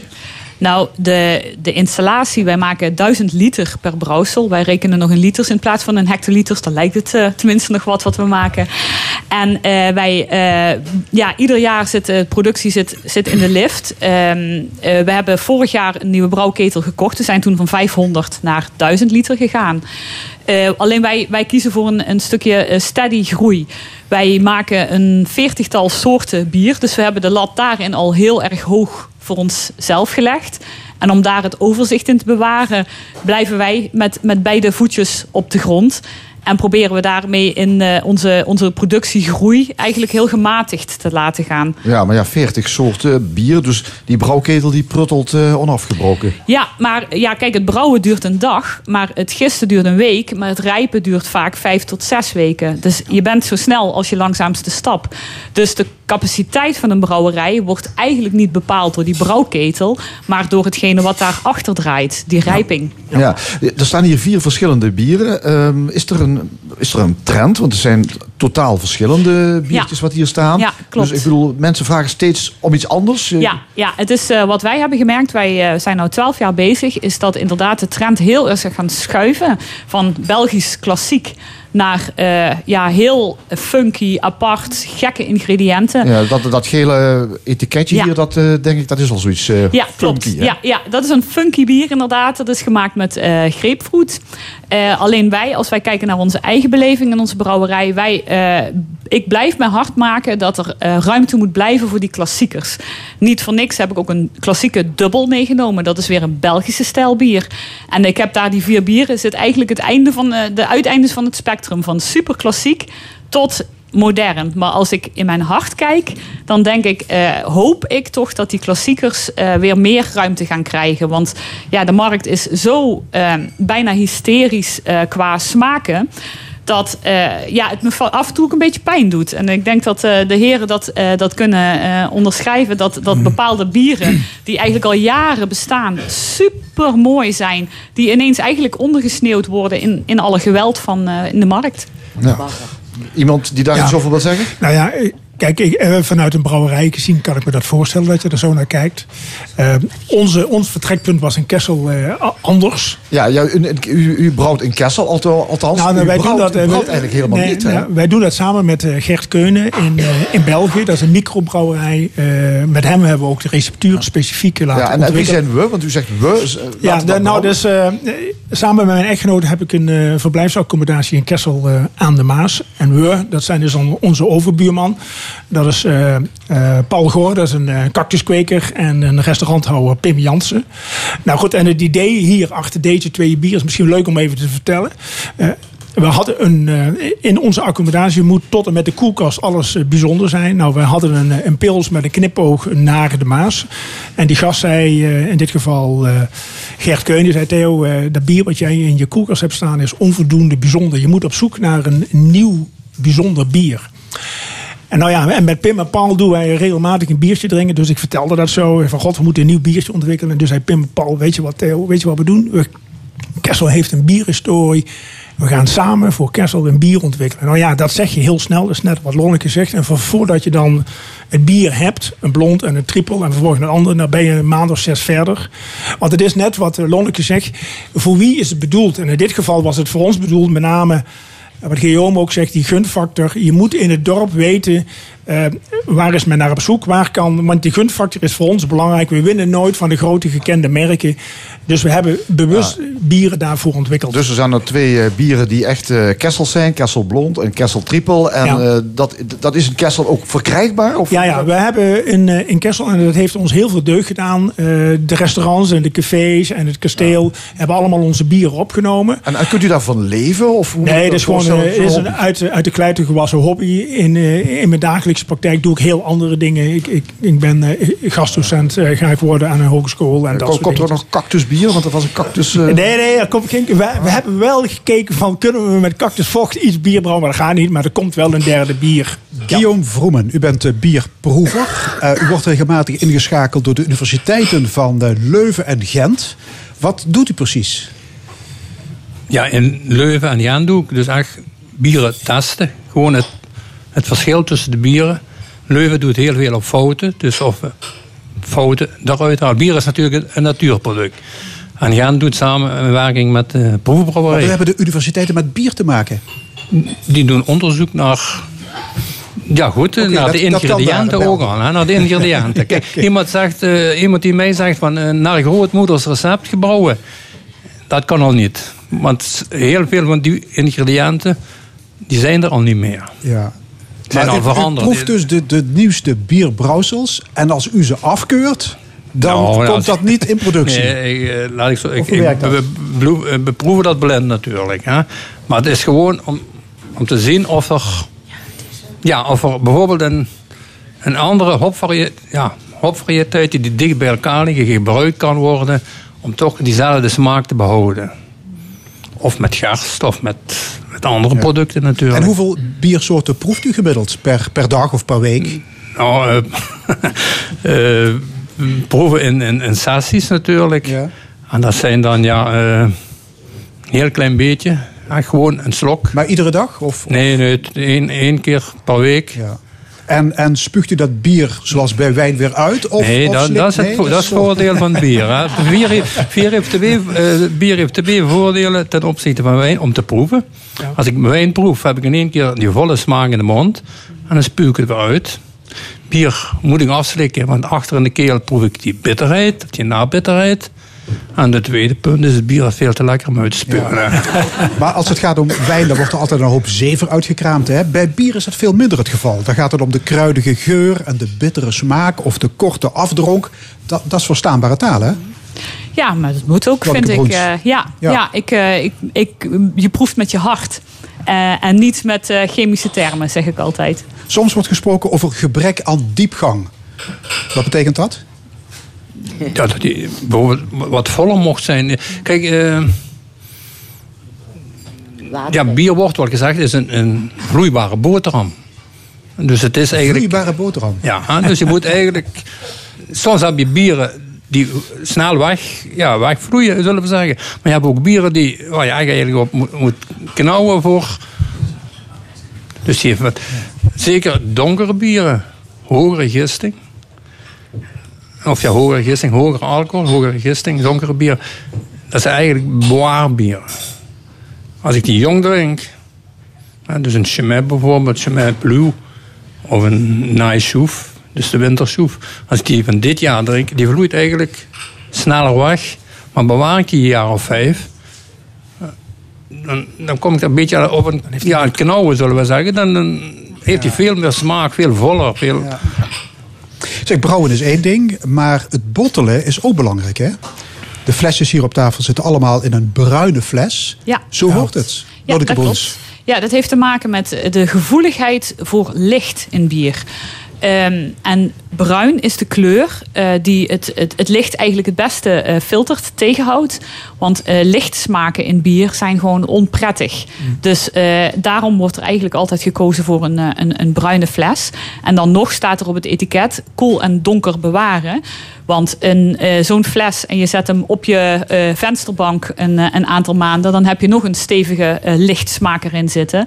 Dus ik zeg ook altijd nooit in de koelkast deur bewaren het bier. Hè, want die gaat open en dicht en krijg je nog eh, de, de lichtval erop. Dus gewoon mooi achterdoor. Ja, net als of de eieren lekker- in de ijskast zelf. Zeg maar, corona, dat Mexicaanse bier zit in een witte fles. Ja. Dat zou de geur hebben van een stinkdier. Klopt dat? Dan, dan moet ik het antwoord schuldig op blijven. Nooit geproefd ik hebben, drink geen corona. Nee. Laat ik eerlijk zeggen. We hebben door de fontein gewonnen uh, Weidse bierproeverij. Voorheen had, dronk ik eigenlijk ook de Polaner en de, de Erdinger eigenlijk ook niet. Nu ook niet.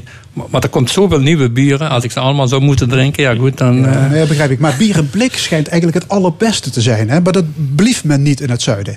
Nou, eh, blik. ja, blik, blik is natuurlijk, het heeft een beetje een, een gekke reputatie. Ik zeg, wij vullen al jaren af in blik, maar dan 20 liter blikken. Hè? Dus eh, onder de tap gaan die. eh, eh, maar klopt, in een blik, ja, daar komt natuurlijk helemaal geen licht in. Hè? Dus wat dat betreft, voor de stabiliteit eh, is er wat van te zeggen. Maar als je het wegzet tegenover de ambacht, als ik al kijk, ik kan een compleet nieuwe hal erbij gaan bouwen, wil ik blik gaan afvullen. Ja, en dan kom je weer in de knel met je craft, eh, ambachtelijk, kleinschalig verhaal. Hoe denken jullie over Radler? Die mix van Nou ja, bier goed. en limonade? Is, Nou ja, de- het is maar net vanuit welke invalshoek dat je ernaar kijkt. Eh, je kunt zeggen van, nou ja, de markt heeft er dus blijkbaar behoefte aan. eh, dat men eh, een biersmaak wil hebben met weinig alcohol. Ja, ideaal voor de Bob, natuurlijk. Nou ja, goed. En het heeft in, in de. Kijk, de Radler is natuurlijk al heel lang op de markt. Alleen bij Buckler bijvoorbeeld is doen helemaal kort en klein gemaakt. Dus de tijd. speelt ook een rol. In welke tijdsgeest zit je? En nu is het heel populair geworden. Maar ik kan me voorstellen dat de echte bierliefhebber zegt van nou, dat is niet mijn ding. Maar goed, wie zijn wij om te bepalen of dat niet mijn ding is? Gaat de fontein ooit nog eens eh, alcoholarm bier of alcoholvrij bier brouwen? Eh, nou, alcoholvrij, eh, die markt is heel erg in ontwikkeling. Hè. Mensen zijn ook bewuster met alcoholconsumptie bezig. Het is een hele mooie trend om te volgen. Ook daar zit je weer eh, met de kleinschaligheid van ons bedrijf. Ehm, daar zijn wel nieuwe ontwikkelingen op die markt, zodat je ook op kleinere schaal alcoholvrij bier kan maken. Maar voorheen werd dat met een techniek gedaan eh, die eigenlijk alleen voorbehouden was aan de grote eh, producenten met de grote fabrieken en de grote budgetten. Ja. En misschien dat daar een, een verandering nou in, in, eh, in zichtbaar gaat zijn. Maar je kan ook bier brouwen gewoon van maar 3% alcohol bijvoorbeeld. Dus, hè, en de radlers hebben wij bijvoorbeeld omarmd door ze niet te maken. Want een radler is eigenlijk een, een mix hè, van bier en frisdrank. Nou, wij hebben verschillende soorten radlers op de kaart van onze eigen bieren gemixt met verschillende soorten eh, frisdrank. Dus zo probeer je als kleine producent toch erin mee te gaan. Ja, ja zonder helemaal de, eh, het te volgen, want dat is ook technisch niet haalbaar. Ja. Tot slot, is eh, speciaal bier drinken vooral een mannenzaak? Of lusten de vrouwen er tegenwoordig ook pap van? Ja. Ik, eh, ik kan alleen maar Meneer. Peters? Eh, wij hebben een, een doelgroep eh, omschreven, die noemen we Rikke en, en Sanne. En Sanne is dus een dame. Dus dit bier hebben we bewust als breed toepasbaar gemaakt, laag alcoholisch. En we zien in de praktijk in Kessel en omgeving dat er ook veel dames hier eh, van pap lussen. Oké, hartelijk dank bierbrouwers Lonneke Broens en Theo Peters en bierkenner Guillaume Vrommen. En nu eh, hop hop naar het Vrijthof. Nee, ik ga hop hop richting het hart van Limburg. Heel goed. Zo dadelijk de column van kastelein Rezi Koumans met aansluitend het discussiepanel. Maar eerst voor de laatste maal de Belgische band Yevgeny. Op 13 december live te zien in Paradiso en op 14 december in Lanaken. Check hun website. Ze gaan spelen een nummer van hun debuutalbum Cannibaal. Een klassieker als ze lacht.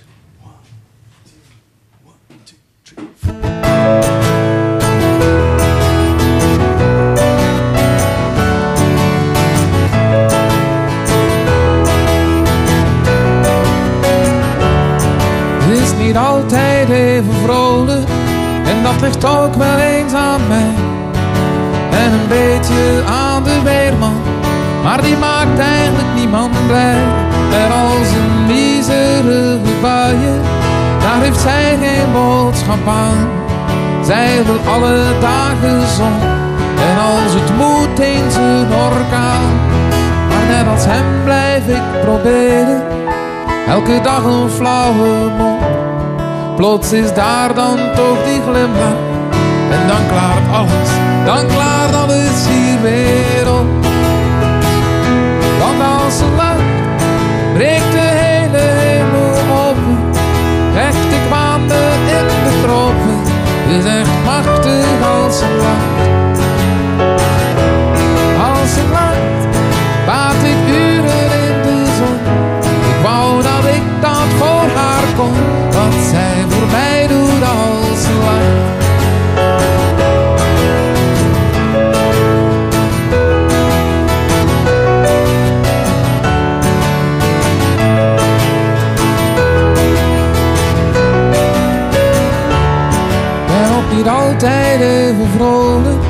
maar dat ligt echt wel niet aan mij. Want zelfs met vier omgeving is er maar gouden geduurd bij. Of nog een nieuwe prins geboren, zelfs nog beter een dolfijn. Maar dan een stuk of honderd plaatsen waar ze weer aan het vechten zijn. Er is nogthans niet zoveel nodig, misschien meer vrouwen aan de macht. Dan zeg ik schat, jij zou dat kunnen. En echt ik meen het, echt ik meen het, maar zij lacht. En als ze lacht, is het even wereldvrede. Is de laatste strijd gestreden, is echt machtig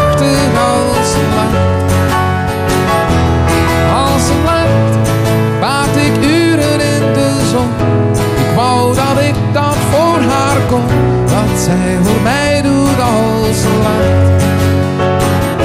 Ja, ik wou echt dat ik dat voor haar.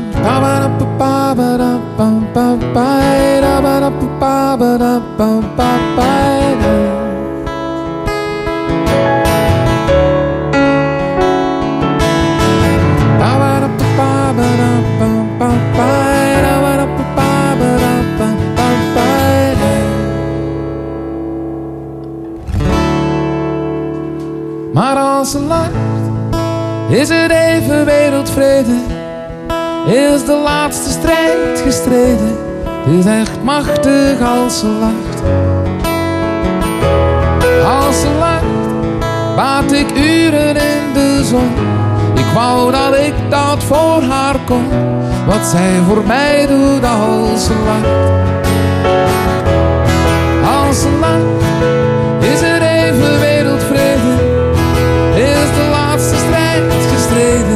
Is echt machtig als ze lacht.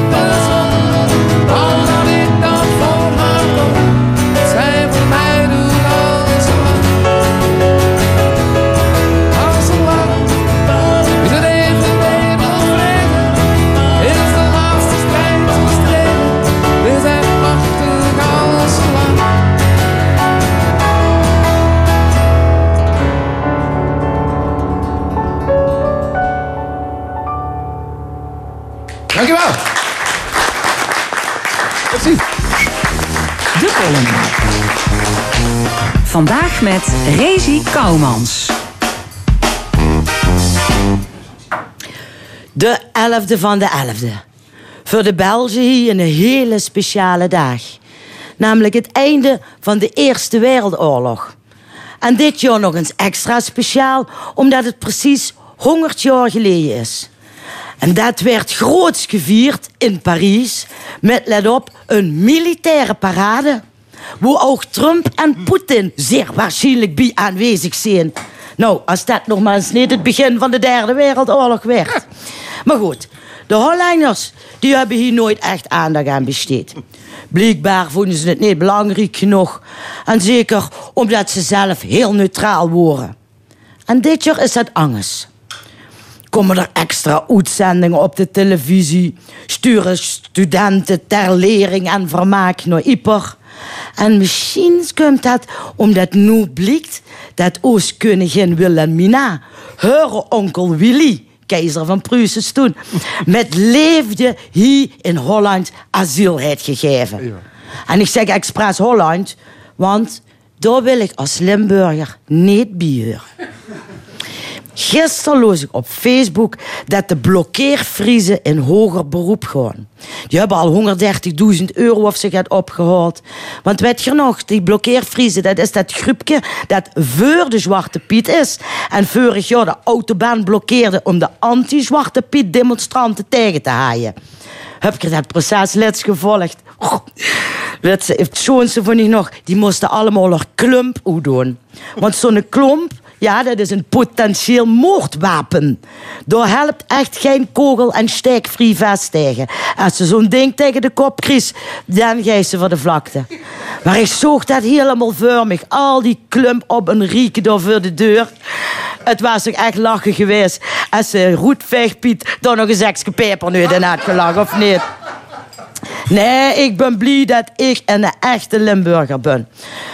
Hier hebben we geen discussies over eigen identiteit of tradities. Want als het ons uitkomt en we kunnen een feestje vieren, dan jatten we toch gewoon die tradities van Angerlijn. Het zit toch gans oktober iedereen in de dirndl en lederhozen. En Halloween, hele lange allerheiligen en zielen vervangen. De 11e van de 11e is ook al lang niet meer Sint-Maarten. In Remun werden dat nog met een schemelvuurtje afgelopen donderdag gevierd voor het laatste jaar, want er is geen geld meer voor. Want vandaag, dames en heren, België, Sint-Maarten, is het de belangrijkste dag voor ons. De opening van de vaste loving. Ha, nee, we hoeven ons niet druk te maken over Zwarte Piet. Want A, hebben we met slavernij helemaal niks te maken. Ten uur eh, Limburg gaan niet bij Holland. En B, ons voorvaders waren bijna allemaal spik, pikzwart. Als ze nou een zware schicht uit de mien kwamen. Als we nu eens de koelpiet introduceren. Een echte Limburgse koempel. Onze beste vriend, Sinterklaas met zijn koempels. Nou, daar kun je toch niks negatiefs over zeggen. Nee, echt niks mis met ons eigen identiteit. Identiteit. Laat ons maar gewoon Twan Huids terughalen uit Holland. Hij hier gewoon Limburg Centraal presenteren? Werd dat programma ondergeschat. En hij heeft er meer kiekcijfers als bij RTL. En wie heerlijk is het toch dat we een nieuwe buschop hebben die gewoon smeet zet. En dat ze dan kunt zeggen, ha Harry, jong, alles kids achter de rit. Of dat ze eh, gewoon eh, straks naar Brussel kunt bellen. Naar de nieuwe baas van Europa. Oh, bananen en alles. Dat kunnen we gewoon platkallen. hey, Frans. Zeg, wie zit het met dat mesuurverschot van ons verkens? Zeg, de regels toch wel gaat voor ons toch, hè? hey, veel Limburgers ongerijn.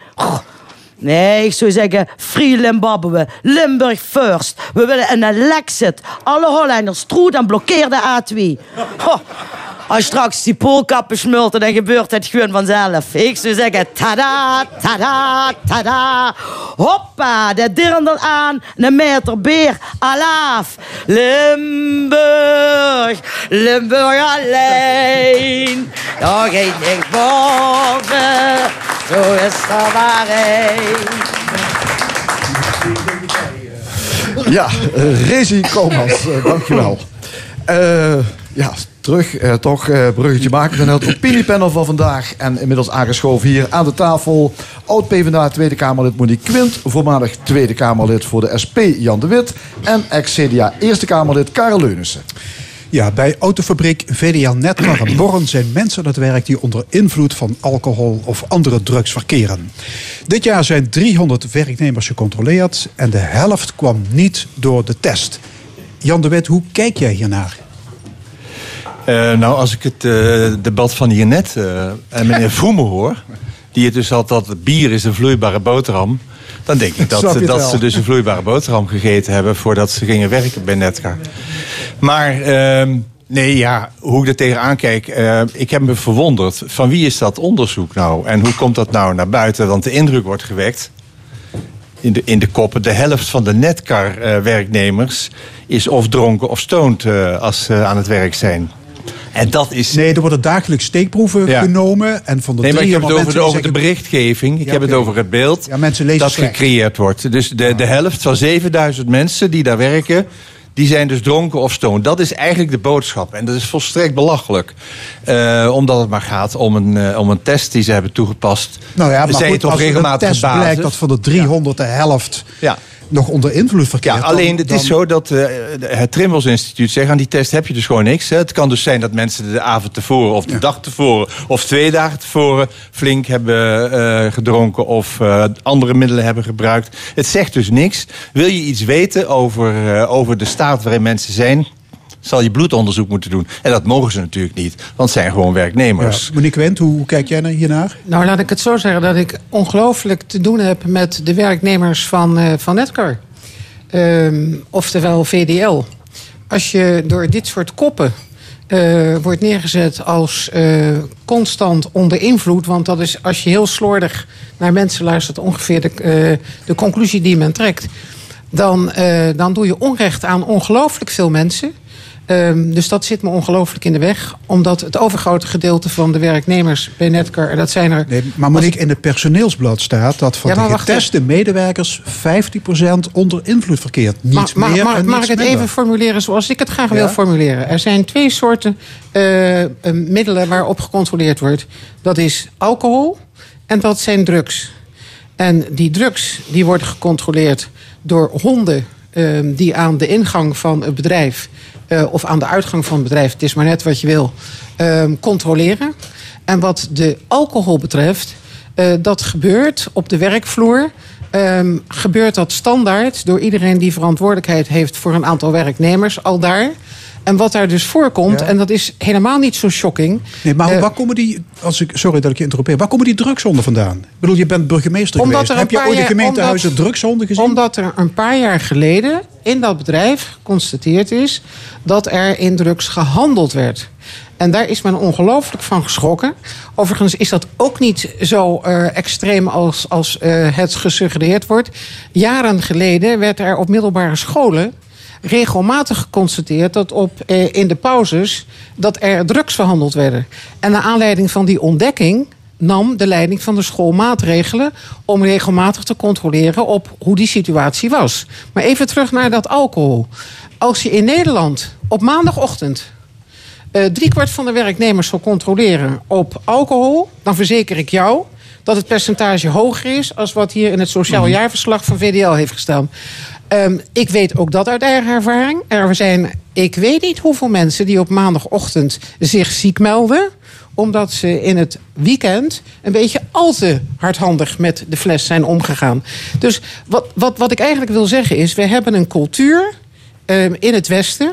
eh, en eh, daarbuiten laat ik het even voor wat het is, maar in ieder geval ook in dit land, waarin het gebruik van alcohol volkomen geaccepteerd is. Dat betekent dat op avonden, eh, in weekenden, op verjaardagen en feestjes wordt er gedronken.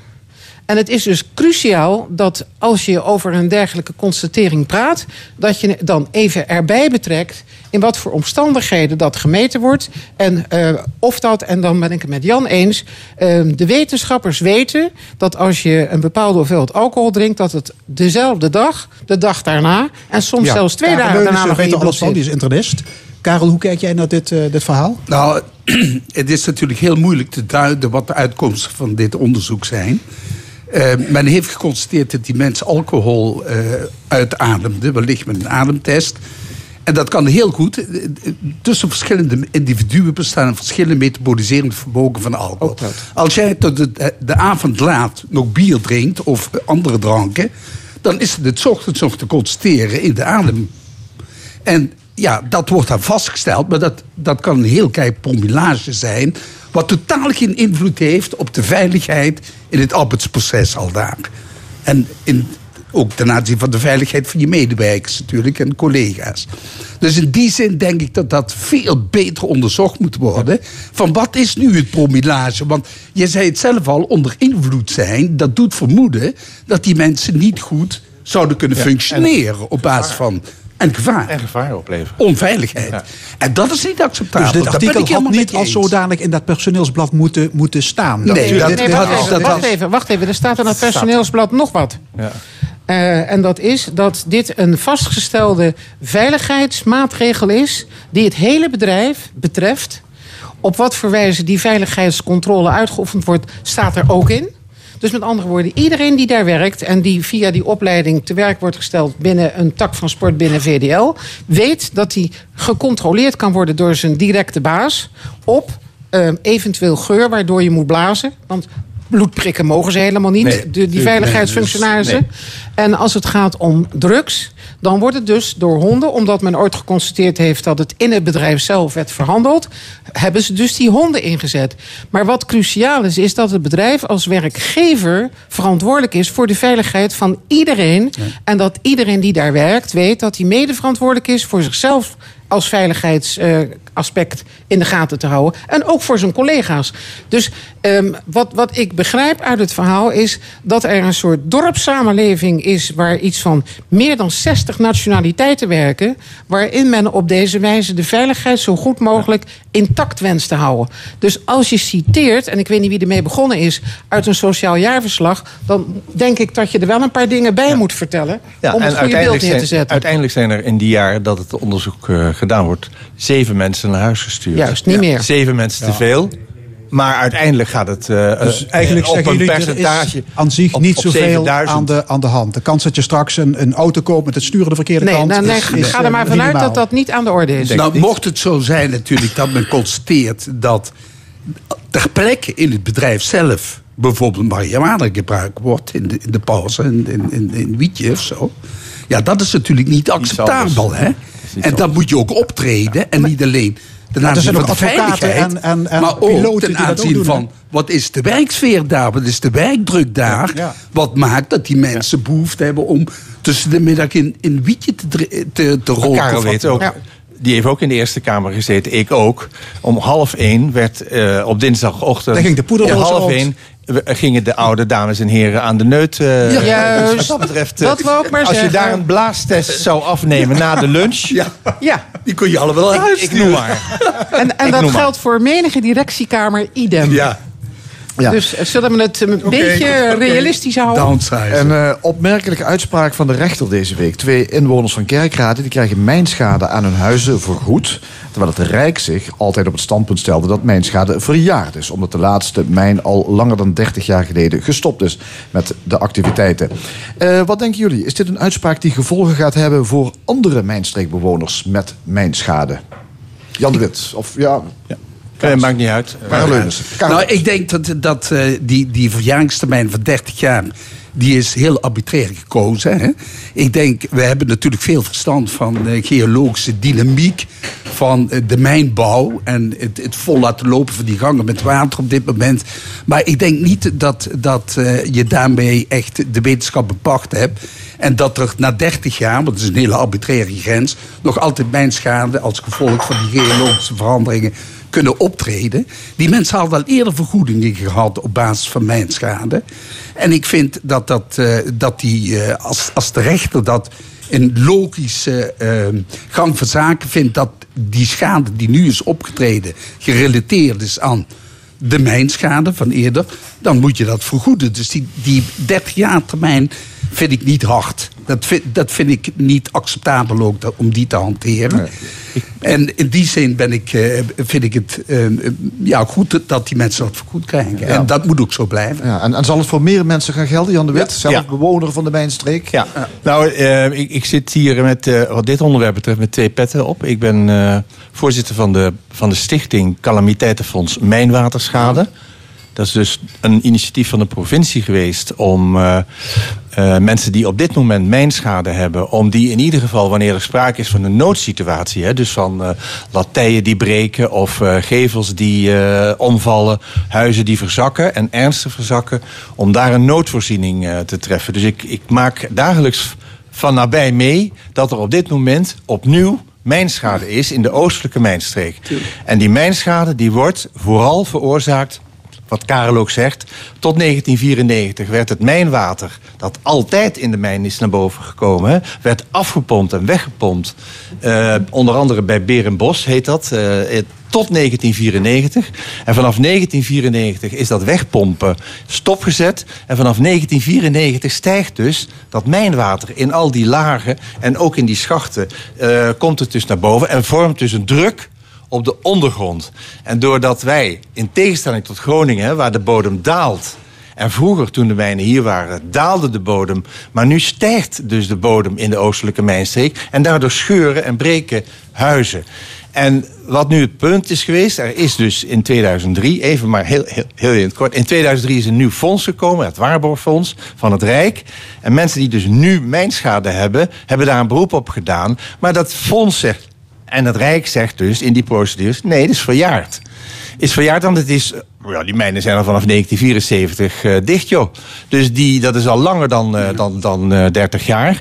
Dus jullie krijgen geen cent. En het belangrijke van de uitspraak nu van, van de rechter is dat de rechter dus zegt: je moet kijken naar de laatste oorzaak die de schade veroorzaakt heeft. En dat was in dit geval van de mensen in Kerkrade een, een, een afsluiting van een boring die niet goed was. Waardoor er eh, dus in ieder geval druk eh, eh, op, op de ondergrond is gekomen.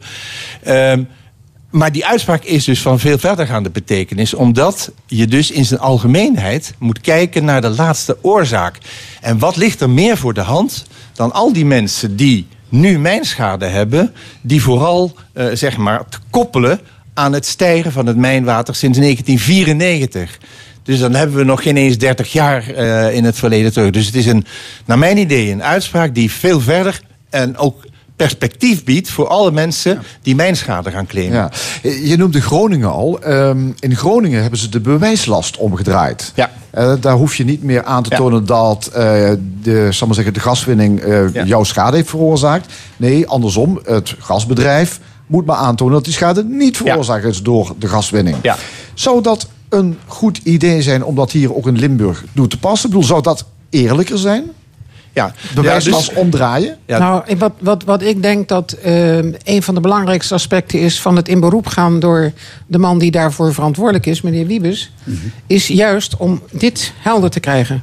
Want je Ja, wie- gaat. Wiebes overweegt om een hoger beroep te gaan. Ja, maar die gaat in hoger beroep. Daar kan, je, daar kan je op gaan zitten wachten. Dat is het probleem helemaal niet. Waarom moet hij in hoger beroep? Omdat doordat hier de uitspraak van de rechter in Roermond is zoals die is... ehm, men ten opzichte van de ontwikkelingen die elders in dit land in de komende jaren gaan spelen, men zich realiseert, juist wat, wat, wat Jan uitlegt, dat een heleboel bepalingen die tot nog toe leken te werken en eerlijk zouden kunnen werken ten opzichte van de mensen die de schade hadden geleden, dat dat dus blijkbaar niet meer klopt. Dus met andere woorden, de technische kennis die men intussen heeft over alles wat er in bodemen gebeurt.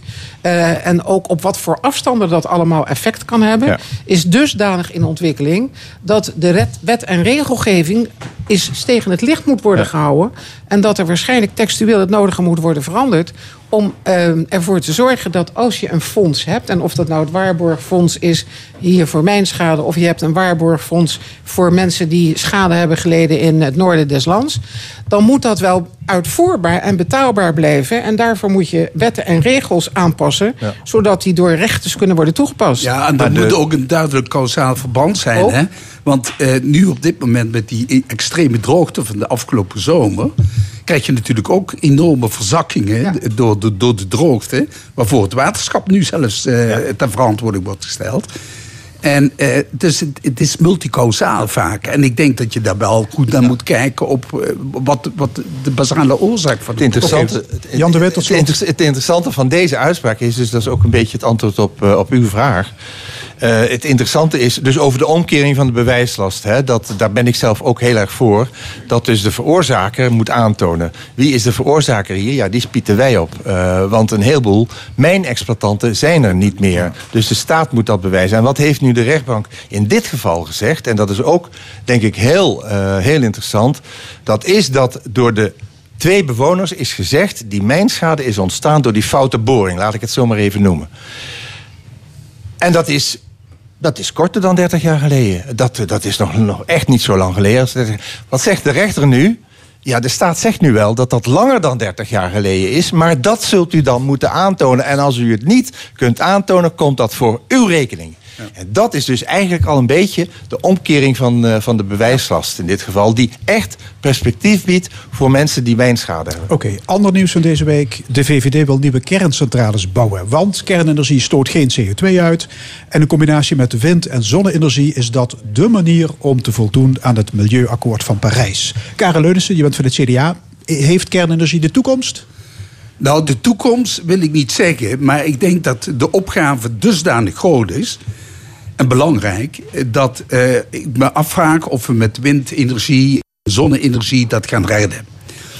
Ik vind dat de innovatie binnen de kernenergie, hè, met thorium als splijtstof in plaats van uranium, wat een veel minder lange halfwaardetijd heeft, continue energie oplevert, moet je toch niet afstoten en meenemen in je gedachten ter oplossing van het klimaatprobleem. Dus het is goed dat de VVD de discussie heropent. Heropent, maar je moet het wel met verstand doen. En niet alleen thorium, wat nog veel belangrijker is, is natuurlijk de toekomst van de kernfusie, de, de zware waterstofatomen die gefuseerd worden, die niet eens radioactiviteit achterlaten. En thorium, ja, dat. Ja, dus we moeten moet niet je kijken naar die- in, in je gedachten. Niet kijken naar die gammele fluitketel in die Nee, maar je zegt dat nieuwe technieken. dat- Monique Quint, wat vind jij daarvan? Jee, Ik, nou. ik, ik, ik vind altijd dat je, ehm, als je constateert dat een probleem wat levensgroot is... en dat is ehm, dat onze delfstof eh, gerelateerde energie eh, niet langer de oplossing is... dat je dan gaat zoeken naar andere oplossingen. Ehm, en wetenschappers hebben op dit moment reden om, om duidelijk te maken... dat er wel het een en ander veranderd is... eh, sinds de jaren pak een beet, 50, 60, waarin iedereen te hoop liep... Uh, wat, wat ik uh, het probleem hieraan vind, is dat bijvoorbeeld op dit moment in België, we hebben vandaag al vaker over onze Belgen en België gesproken, uh, daar hebben ze momenteel de problemen.